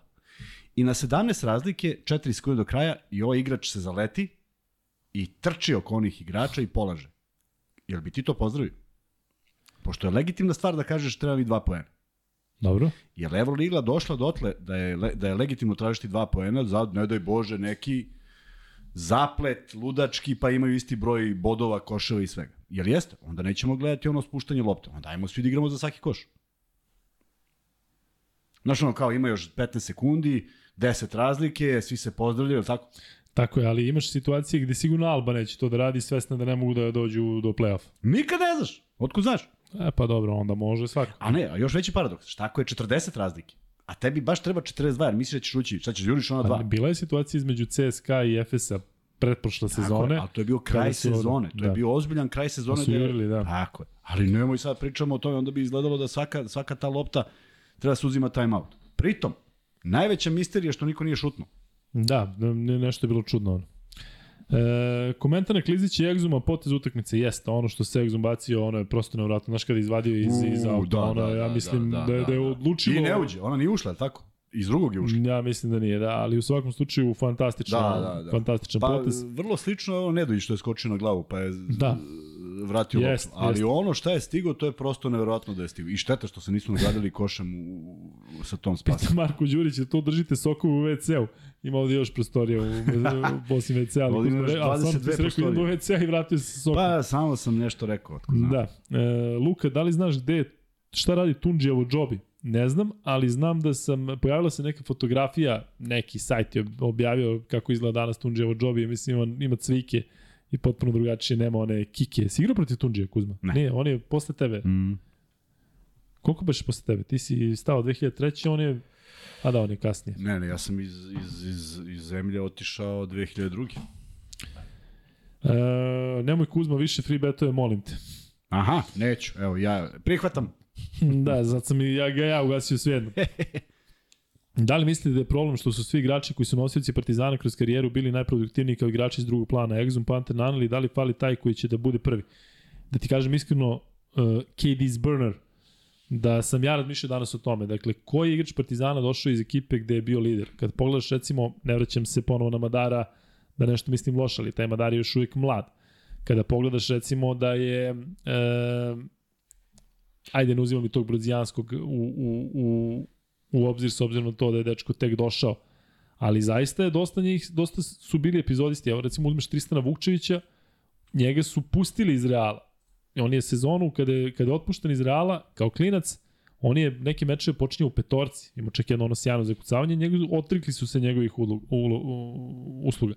Imaš Smajlagića koji je u drugom timu u Golden State jedva pronalazio neko mesto. Na stranu to što je mlad. Imaš Balšu Koprivicu koji isto uh, nigde kao mlad nije, nije se negde pozicionirao kao, kao, kao ne znam šta. Ako pogledaš recimo te strance, Papa Petro je bio kvazi lider ekipe koja je bila najgora moguća u, u Euroligi bez bilo kakvih uh, nekih uh, sportskih realnih šansi da budu u play-offu, govorimo o Panathinaikosu u poslednjih nekoliko sezona. I onda recimo imaš te igrače poput Lesora koji isto ima lošu epizodu u Makabiju, u smislu da je potpisao tamo neki višemesečni ugovor, nije odigrao ni malo. Dakle, dosta njih je bilo u nekom, da da kažem, kanalu pre nego što su došli u Partizan. Tako da sam se ja zapitao, aha, došao stvarno neko ko je lider. Anđušić je imao dobru ulogu u, Bur, u Burgu, Burgu je bio lider, i u Monaku je bio drugi strelac iza Jamesa, ali vidite da ovde, da ovde dosta oscilira i sa minutažom i sa, sa svim. Luka Bližimo si, se ovaj, dva sata, je li tako? Luka, jel si vidio šta je Miami izbacio listu gde su im svi igrači povređeni za sutra protiv San Antonija? Nisam vidio. Vanja, si ti? Šta da... Niko neće da igra? Aha, pa se oni sad tako... Da. Šta Kuzma misli o Đorđu Adžiću? Treneru? Da. Da. Pa valjda mislimo na njega. Da. Da li se Kuzma čuje sa Žućom Mitićem? da. Ljudi, Bogdanović kida, šut iz igre, 75% do treće četvrtine dao 19 pojena. Sjajno, možemo sad da pređemo malo na NBA i Kuzmu pa da zatvaramo, a? Može slobodno, da što je 20 minuta do 3. I pitaju Kuzmu gde je Aleksandar Zmijanac. E, ne znam gde je sad. Ja mislim da je on posljednje što je radio za Oktagon. E, pa pitaju, ovde bi neko pitao Oktagon, znak pitanja. Da, da, ne znam. Šta je Oktagon? Uh, menadžerska kompanija. Zastupaju igrače. Aha, Dobro, trenutno u toku mečevi Charlotte, Atlanta, Detroit, Sacramento, Boston, Orlando, Cleveland, Indiana, Philadelphia, Golden State, Toronto, Brooklyn, Chicago, New York, Oklahoma, eh, Minnesota, kasnije igraju Dallas, Portland, LA, Lakers igraju protiv Denver Nuggetsa od 4 sata. Taman malo odmorite i onda gledate posle podcasta. LA Clippersi, eh, Washington Wizardsi i San Antonio, Miami, to su mečevi koji se igraju sutra ovim ranijim terminima za nas. Dakle, e, u 10 sati igri u Clippersi, u 11 sati po našem vremenu u subotu uveče ovi mečevi. E, Banja, hoćeš da se uključiš malo, a? Gleda Vanček gde mu je mikrofon. Eto, taman, možemo malo da prokomentarišemo ove mečeve koji su trenutno u toku, taman da vidimo i šta radi. A, a, ovo što ste prokomentarisali da Bogdan kida, Bogdan trenutno u vojstvu Atlanta 83-77 protiv Šalota, mi imamo da ispucimo još dva free beta, tako? Je tako, Kuzma? Jeste, tako je. E, Lamelo pa Ball. ti valjali moji. Pa ne, tvoj, ja. Plural. Bogdanović 19 pojena, 7 skokova, 5 od 6 za 3. Bogdan kada ubacuje, ubacuje sve, tako da baš lepo. Ali Vančik, evo, taj Charlotte Atlanta, možemo da prokomentarišemo, Atlanta igra loše, Bogdan se vraća, ali oni igraju ispod uh, proseka, ti si juče prokomentarisao da je to zbog uh, baš slabih uh, procenata Trae Young. Pa moguće da je dosta zbog toga. I dobro sreće pa igraju protiv Charlotte koji se sad tek vratio Lamelo, da. Ball, Lamelo Ball skoro i tu očekujem da će uspeti da završe među da pobede, ali delo je malo disfunkcionalno i nešto smo pričali kad smo radili najavu sezone da je klupa malo tanja. Jeste. Da li je to, da. naravno, ne pomaže grozan šut iz igre, to je sa tri poena Trejanga u posljednje vreme, i bio i suspendovan valjda meč i ta prepirka sa Nate McMillanom, vidjet ćemo za sada. Da, deluje da ne funkcioniše to kako treba. Deluje tako i isto ko je jači, teško će Atlanta moći sada da učini nešto ovako ako se ne saberu u, pa daj da kažemo do sredine januara. Jedno narednih mesec dana. Da, evo, uh, da ispucam odmah free bet dok mi pričamo, kaže daj Kuzma free bet. Kuzma što ne voliš NBA. Uh, Dakle, drugi free bet će biti da nabrojite četiri igrača iz Atlanta Hawksa, ne računajući Bogdanovića i Treja Younga koje smo sada pomenuli. E, Vanček, što se tiče ovih, e, ajde kažem, kroz mečeve ćemo Boston, Orlando. E, meni se Orlando zaista dopada kao ekipa zato što su mladi, imaju ovu braću Wagner. Bol, bol, vratio se Fulc.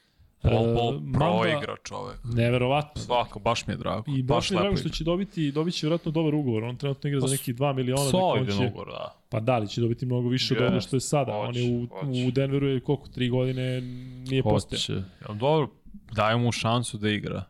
Ima Ne, ovaj je trener prva liga, meni se dopada baš. ozbiljne potencijali, lepo igra, Jeste, stvarno to izgleda jeste. dobro i možda da ima da bude solidan starter ili neka jaka rezerva u NBA-u, nek nastavi, da, drago mi je što mu daju šanse, a Bankero, ja sam rekao mi, užasno me podsjeća na Carmelo Antonija i A šta mislim, se dešava s njim? u kom smislu? Pa nema ga. Beleži 20 poena, sad ću da vidim, mislim. Da li ne igra u posljednje vreme, nešto ne igrao. a? Ne znam, nisam ću da vidim. Ivan Pe- Pejić vas pita da li ste gledali mini seriju o Shaquille O'Nealu na HBO? Pa ne Nis- miniseriju, nego dokumentarac, mislim da izašao. Da. Pa igra šta, dao sam, je, dao je Atlanti 20 i 6 i 6, Raptorsima 20, 12, 15, Kad, sad, posljednji? Možda ništa Pa nisam pre nisam. 15. decembar, juče, prekjuče. Da, da, to vidiš. Igra, igra, dao je Vajezo je šest meča sa 20 poena, mislim. Gde mi on promašao, ne, ne gledam njegovu statistiku, toliko ne pratim. Beleži, evo ti prosek 22, 7 i 4, mislim. Da, pa da, pa on mislim da je toliko izvesno da će on biti prvi pik, samo da se ne, da se će biti ruki godine, samo da se ne On povredi. je da. maturin za sada, ali ozbiljno, mi stvarno baš mi podsjeća Carmelo Anthony, to sam rekao vi- više da. navrata, taj sposobnost da poentiraš na sva tri nivoa, ulaz, uh, mid-range, to Kuzma voli, šut za tri, ima i solidnu tehniku za njegovu visinu, umi da radigra, baš deluje najkompletniji iz ove generacije. E, da, e, Detroit, Sacramento, Sacramento igra dobro, žale se na suđenje, igraju, pitanje je koliko će moći ovako da izdrže, da, da drže neku visoku poziciju na zapadu. Mislim da će moći da dođu do play-offa, do play-ina, barem će moći pa čak i da, da imaju Povrede na za, zapad diktiraju, evo Stef će propustiti Jeste, neku, da, dve, tri ćemo do E, mene je Ogroman zabolo rame kad sam vidio ono, još je levo, to sam ja povredio, tako da baš i nezgodno. Ako Ovaj- ostane Sacramento zdrav, što da ne, drugi Da. timovi polako se ras, Bilo bi lepo da tako prekinu taj niz, najgori niz neučestvanja u play-offu. 2004. da. Da. E, Vanja, Philadelphia i Golden State se igra, ali Golden State eto i bez Karija se za sada održava. Šta očekuješ od Philadelphia generalno ove sezone? Moguće da sve ovo što se dešava tamo, odnosno da taj tandem Harden, Embiid sa Harrisom, sa još nekim dobrim igračima, ovaj Tybull i ostali su zaista bre, on je malo dobar tim. šanse dobijaju. Hm? Matisse Taibon, malo smanjena mu je rola i PJ Walker, u PJ Walker ne, nego mislim na Takera, na PJ Tucker, Nešto kaže da će dobija prilike. Pa ne znam, ne, nije, nije kao ono što je imao rol u Majamiju, da. Pa dobro, da bude master. starter 3&D. Nema veze, mislim da baš i Miami možda posluži ili Milwaukee, jer on je bio značajan, taj sporedni igrač za te šampionske timove. To je Miami nije bio šampionski tim, ali dolazi do finala, finala konferencije, tako da čudno mi što ga ne koriste, ajde kažem kako treba, kako je igrao prethodnih par godina. Vanček, ajde samo potvrdi ko je dobio ovde free bet. O, ne znam šta si postavio kao pitanje. Postavio sam pitanje ko četiri Aha. igrača iz um, Atlante, Jasno. A da nisu jasno, Bogdanović i- Jasno. Milan Jovanović, Jeste. Hunter Griffin, Kaminski, Johnson. Bravo, Milane, šalješ na free bet, Oho. uh, šta? Kažem Vuhu, kao bravo. To. Max bet uh, uh, ID šalješ na Luke Kuzma Instagram. Kuzma, promoviš malo naš Instagram, znaš da je tamo se nešto dešava. Naš da Instagram. Luka i Kuzma sa donjim crtama napred i na kraju. Imaš nešto da kažeš, smo došli do 12.000. Nismo. Koliko? Potpuno sam razočaran. Fali 13. Ali izgledam tako? Da, kad god se priča o NBA-u, izgledaš vrlo razočan. Pa je... Fali nam još 14. 14, da, nikako. E, ne da nam se. Ne da nam se ništa Da super. ispucam odmah i treći free bet. Vanja je pomenuo PJ Takera. Sa kojim evropskim timom je osvojio titulu u domaćem prvenstvu PJ Taker sada već ima pre 15 godina. To ko, ne, ne verujem da ćete stići da odgovorite na Google, ali da ispucamo i taj treći free bet. Javite se u toku noći. E, Vanja, Chicago, New York. Chicago zaista igra loše, iako imaju jedan vrlo respektabilan, respektabilan sastav, ali govori se sve češće o trejdu Vučevića, o trejdu Lavina. Oni su je najveće, najviše su razočarali Yes. oni ove Yes. sezone za sada. Nadam se da će moći da preokrenu jer imaju previše talenta u tom ti, na tom rosteru da imaju koliko, 11, 16 ili koliko god imaju. Mislim, Da. da. grozno je. Žao mi za Lonza što će vratno propustiti celu godinu, to povreda Jeste. kolena koja ne znam se šta je, mislim, ne znam, ništa specifično ne daju sad kao neki podatak, ali baš šteta, baš šteta i nadam se da će moći da izvuče pre svega Chicago ove sezone, on generalno svoju karijeru. Ivanček za kraj, ajde prokomentariši taj meč eh, Lakersa i Denvera. Naravno, navijamo za Denver zbog Jokića, ali Lakersi se lagano podižu, jel... eh, Šta se podiže? To, to, me, to me zanima što ljudi pišu. Pa kako se ne podižu? Pa imali su, su bili bre najgori tim u ligi, sada je proigrao Davis i, I podobili su su neke 12. mečeve. Šta su? Sad su 12. Pa svejedno, ali znaš da su vezali od šest, od osam mečeva su dobili šest. I Iako sad su izgubili tri protivnici- za redom. Jesu, ali svejedno bolje izgledaju. Složit Pa izgledaju bolje, ali gube. Ne igraju odbranu, opet se to Ma da, dešava. nije I sporno, Davis, ono, maši bacanje, što sam šokiran bio iskreno. Jer sam mislio da je on ono, solidno klač igrač. Da, I domaši dva bacanja on, na onaj način. Tad sam već znao da će izgubiti sigurno. Sada mis, bit će tesan meč. Mislim da malo možda mis meč ne odgovara Denveru, ali pošto Jokić igra kako igra i stvarno igra opet neverovatno. i Neverovatno Treba da, da. bude u MVP konverzaciji svakako. tu je negde peti, šesti, ja mislim, trenutno Pa, u bi priči. stavio top 3, iskreno. Ne, on će se podizati. Ja, ono što želim Jokiću to je da uh, ove sezone uh, beleži triple-double u proseku, što znači da mora da podigne malo asistencije, one su trenutno na 9, poeni naravno i skokovi će nerealno, i ovo što sad što statistiku što ima niko Jeste, nikad nije imao. Koliko je mislim. 23, 11, 9 recimo Više, u možda proseku. 24, 10, Ali kad bi 9, mogao nešto. recimo asistenciji da podigne na 10 i onda da bre, imaš centra koji ima triple-double u proseku, to mislim da bi ga onda stavilo u varijantu da možda bude i treći put Sigurno, MVP. sigurno. Mislim da je Nikola Kukolj odgovorio Bamberg. Mislim, ne mislim, Mm. vidim, sad ne znam da li je Bamberg tačan odgovor. Mm, da. Ili... Ja, imamo fantasy. E, bravo, sad ćemo fantasy samo da završimo ovo. Ja, Juče nismo. Juče nismo da je fantasy, Juče tako nismo, da pa da. znate. E, nismo došli su momci bili na utakmici. Pa nisu stigli. Da li neko juče pitao za fantasy, hoćemo li da ne Da, znam nismo, šta? zašto su momci bili na utakmici? Bili momci na utakmici. Pa kako, bili su gledaju zvezdu? je li Bamberg ili nije? Nije Bamberg. Hapoel, Hapoel Holon. Mateja Da. Babić. A koji hapo? Uključen si, ovo ponovo je uključen Kuzma. Hapoel Holon, Nikola Tanas koji će odgovorio, ti kažeš da je prvi odgovorio ko? Mateja Babić, Hapoel Halon. Ho, ho, pa dobro, računat ćemo to je kao na, Holon. na dijalektu A lokalno. drago nam je drago nam je da je Matej eto nov free betista. E, razmišljali smo kako da, da napravimo tako da ne budu e, isti free betovi i recimo moja ideja je da prvi free bet bude odmah čim, čim se uključimo u podcast. Dakle, tada vas ima malo i verujem da, da, da je onako, da bar neki od ovih redovnih neće biti tu. Dakle, čim otvorimo podcast, da, da, da, da, da, da, odmah da bude prvi free bet u buduće, a da poslednji treći free bet bude takav da zamolimo ove, da odnosno treći free bet bude za one samo koji nikada nisu osvojili free bet.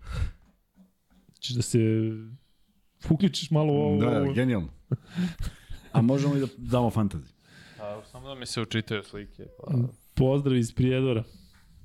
Zanimljiv nik. Jesi vidio nik e, čoveka koji je po, pozdrav iz Prijedora? Ne možemo da banamo čoveka, ali... Što? Šta? Ko je Nik? Pa jel vidiš, ke- pozdrav, pozdravljamo mi Prijedor, ali vidiš ko je, ko je to napisao? Ne vidiš, pre, pre je odgovora o Bambergi i ovo ostalo.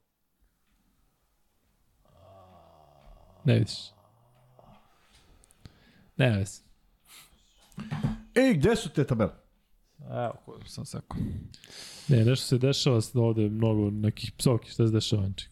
Nisam vidio sad zato što su komentarisao. Evo ti a, Euroliga prvo. Anđela, ko, ko ti iznervirao? Nisam vidio, ali vidim samo da si se nešto... S- Nisam ja vidio znam. smo sad pričali, evo sad ću Bože Krećemo od četvrtog mesta, čoveka kojeg sam prozvao Alex D. A u stvari je Alek iz Smedera. Aha, bre, vaj, si vidio šta piše ovaj sreten? Ne, nisam vidio, pa ne, ne mogu da vodim račune jedan i drug dok pričamo, sam da vidim. Daj, bre, stvarno ga banju. Stvarno, bre. A, Ali moguće Burazeru da pišeš to, bre, u sred noći. Bog te mazo u ovakvom podcastu. Evo, banovan. Šta piše? Nisam vidio ljudi dok pričamo o NBA-u, on... Da, Ne, idemo. se isključiš. Da, evo ga. Dakle, krećemo od četvrtog mesta. Alex D nije Alex D, nego je Alek iz Smedereva i dugujem izvinjenje jer sam ga prošli put prozvao drugačije. U svakom slučaju, na prvom mestu u Euroligi, Ryan Key, koji su na prvom mestu sa 2263 bodova, ali je interesantno da ih nema na ovo nedeljnom u 14. kolu. Avijatičari su drugi, nema ni njih. RSB tim je tu, na trećem mestu, ukupnom Alex D. Peaky Blinders četvrti, to jest peti.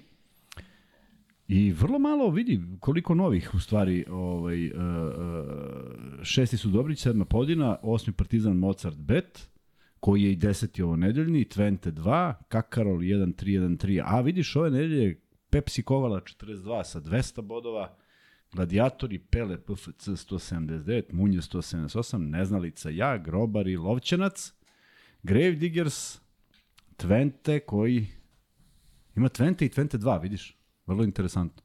KK Željezničar 9. i Partizan Mozart Bet, već spomenuli smo na 10. mestu sa 164 bodova. Što se Evrokupa tiče, mrtvi dom je na prvom mestu i ove nedelje i ukupno Rođa Ričević takođe, sve po spisu, nema ga ove nedelje, ali je treći ukupno, Sijena četvrta, KK Borac Neka, Nektar peti. KKNK šesti, Vr, Vinjak Brigada sedma, Điglo osmi, Centar uvek daje nešto, ne znam šta, deveti, Metalac iz Valjeva, deset, inače saznao sam da je Metalac pobedio danas. Pobedio je danas Zlatibor.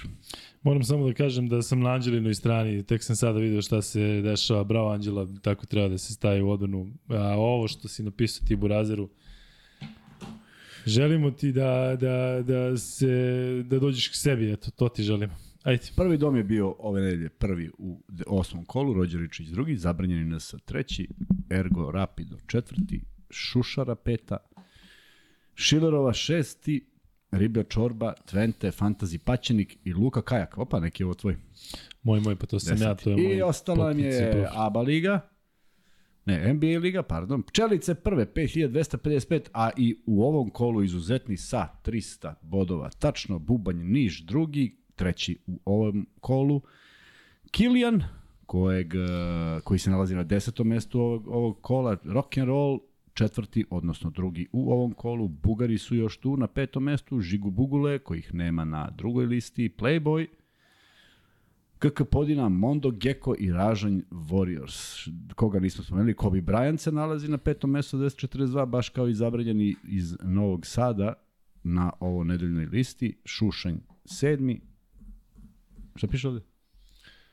Osmi, Ozgilat. Ozgilat, da. Osmi, Amir Tim deveti i Kilian deseto mesto. I Luka i Kuzma sa svojim odličnim uspehom. Ali mi ćemo se priključiti kasnije. Hoćemo, priključimo se, obećao sam ja Marku da ću se priključiti, da. E, evo, izvinjava se Anđela, nema šta, Anđela nisam znao, nego sam se, e, nažalost, e, što se sve to desilo, ali pomislio sam da nije nešto možda Zvezda Partizan, ali ovo je stvarno stravično što smo videli. Možda jedna od najgorih stvari koje se desilo ovde u četu, da neko tako nešto napiše. Nisam verovao da takvi ljudi uopšte mogu da zakače čet, ali dobro. E, da li će LeBron da spakuje 796 pojena u naredne 30 utakmice da bi prešao e, Džabara? Spaković. Ako Spaković. treba Spaković, da, ako je zdrav, ima da spakuje i ćao zdrav. Ma i da nije zdrav Spaković. Piše ovde da je Nađus kao pita za nešto, ali vides, to je, to je isti lik, to je isti lik koji verovatno ranije uzme neki nik pa je tako se javljao kao Srki Radović, pa se javljao Darko Plavšić, pa se sam na arenu. Prešao sam na arenu. Da, da. E, Mateja Babić je donirao. Mateja, hvala puno. Vidim da imaš Hardenovu sliku. E, ako uopšte dobro vidim ovo, pošto se slabo vidi.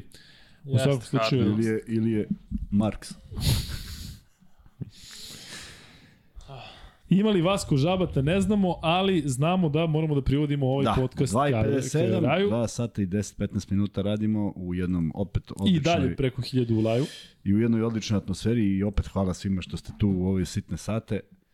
A, nekako stvarno izgleda dugo pauza ono kada kada sada radimo u ponedeljak pa četvrtak.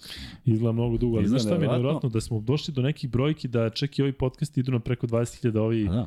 kratki, prosto nevjerojatno kako um, kako to napreduje. Jako jako još uvek jako mnogo dobrih reakcija i ljudi koji se javljaju i danas sam nešto šetao po gradu, završavao peške, to je nevjerojatno. Zaista, ti si mi pričao da te sreću, ja ne krećem se možda toliko, ali stvarno bude vrlo interesantno, pratit ćemo sve i naravno... e, Da mi smo se tako raspodelili da se tebi obraću na Instagram, a mi- meni ne, mi uživo. pokrivamo da. određene lokacije u gradu. Da, da. Sutra, smo, sutra ćemo biti na Vračaru, pa ako prolazite, Iz kola javite se. a, javite se iz kola, stvarno trube ljudi i svašta se dešava, ali Jeste. ovaj, e, postavili su na primjer pitanje kada će KLS. Ne znam, ne znam koliko možemo da imamo vremena, iskreno govoreći, da se bavimo i time. Iz prostog razloga što je i to liga za sebe, a pritom mi ne stignemo i neke stvari koje su bitnije da, da, da, da spomenemo. Evo kažem bitnije, ružno reći bitnije, ali hoću kažem, toliko nekih ideja imamo mi kad završimo i odemo do kola, mi ispričamo još 10 stvari koje nismo spomenuli. Prema tome, a, potrudit ćemo se u nekim bitnim momentima, nekim prelovim momentima da popričamo i o tome, ali ne zamerite i onako nas vode ideje i vaša pitanja, pa odemo u nekom potpuno desetom smeru, što nam je mnogo interesantnije nego da sad napišemo neki scenarij o šta ćemo da pričamo. Prema tome, ova komunikacija s vama je nešto što što daje život ovoj emisiji i deluje tako kako deluje. Meni je fenomenalno, verujem i Luki, ja vidim da Te, katastrofa. meni je fenomenalno Luki je katastrofa, a vidim da je Da. vama ovaj uh, uh, takođe zabavno čim ste u ovolikom broju s nama. Um, možda idemo do finala sa ovakvim sagračima Nikola Jokić je teško. E, zamisli neko ko sad prvi put ulazi na podcast i čuje Kuzmu kako čita ovo, nema pojma o čemu se radi. I Mislim na kaže gasi, i kaže gasi. Da. E, došla dva klinca da se upišu na košarku kad su rekli da se zovu Luka i Vladimir, nisam mogao da se ne nasmejem. Zanimljivo. E, kolika je najveća donacija do sada? E, pa najveća donacija je bila... Obično je da je oko 2000 evra, ali ako imaš nešto, da, da pa se utrkujete. Ali mislim da je nešto Jovan, manje, u redu je. Jovan i još neko je, ja mislim da je pukla neka stotka. Jovan i E, Mina, sećaš se kad su se Ali malo... tad su se, da, Mina, Mina malo nema više, se- Mina je digla ruke. Ma nije, sad će da se vrati. Ali, ovaj, e, da, dobro, Mina je, ne znamo da li gleda, znamo da ne donira i ne treba da donira, samo nije se javila ni za majicu, ali dobro. E, Jovan, ja mislim, još neko je pukao 100 evra u, u live-u onog stotog podcasta jubilarnog, kada je bilo milion nekih donacija. A, to je, to je, to je diligenski Andrej, ja mislim. Moguće, da. Da. On nam je obećao u jednom podcastu da kad bude bila stotka, bit će sto i on je stvarno... Jeste, jeste, jeste. Ako sam ja dobro zapamtim, ako nisam, izvini, pronaći ću ga negdje. E, drugari, pratimo se od prvog podcasta. Mislim da bi pravi potez bio da pozovete nekog od učesnika NLB Wheel lige. Pre svega zbog njihove požrtvovanosti i svega ostalog, Luga, nadam se da ćeš pročitati. Pa sigurno u nekom trenutku, ali do tada mogu da vide Čirkov intervju, ili tako Kuzma? Znači, kažem koji je osnovni problem? Ajde, Pa kako da dođe ovde? Jeste. Mi smo na drugom spratu. Čovek koji je alfa i omega košarke u kolicima, Željko Ćirković, kapitan reprezentacije, on je u 99% slučajeva je on eksponiran taj koji priča. Kada je neki događaj, tu se pojavi i Drženko Mitrović, naš čuveni sportista i osvajač medalja, on je svetski šampion i olimpijski vice šampion u bacanju diska i onda ga svi prepoznaju jer je, jer je toliko poznat, pa je on drugi. A mi u stvari stalno se trudimo da ubacimo tog nekog. Međutim, od svih tih, na ovaj drugi sprat ne bi mogli da dovedemo nikog. Mogli Da. bi jedno da se raspadnemo, da se okilovimo i, nije uopšte lako. Tako da iz tog razloga, a čekamo neki zgodan moment, nije se poklopilo da možemo da uradimo sve to kada je bio kada je bila NLB liga, ali obećamo da Vanja, hoćemo, panuje ovo. obećamo da hoćemo i da čujete ovaj nešto lik. i da čujete nešto iz njihove iz njihove priče, pa bi ja volao da bude bar jedan ili dvojica koji zaista mogu da dođu gore. A, Različite su povrede u pitanju, momci koji su u kolicima skoro nemoguća misija, ali imamo maka koji su pokretljiviji i koji mogu da hodaju, tako da a, hoćemo sigurno da ih ugostimo. Trebalo bi da pravite humanitarne etikete i za vikend. Da, vidjet ćemo. E, ne znam da li znate dobro. Ja, Pitaju ovde za neke e, da Vanja komentarišeš, ali Vanja se ne kladi. Da vidiš ko će poene, ko će ne znam šta da... da Ko će da koliko poena u NBA ligi, Vanja, i ovo? Da li imaš neke, neke savete za kladioničare? ne, sad ovo je kasne doba, bukvalno mi mozak isključen. Da. E, imaš Nemojte, manje ja. možda statistiku.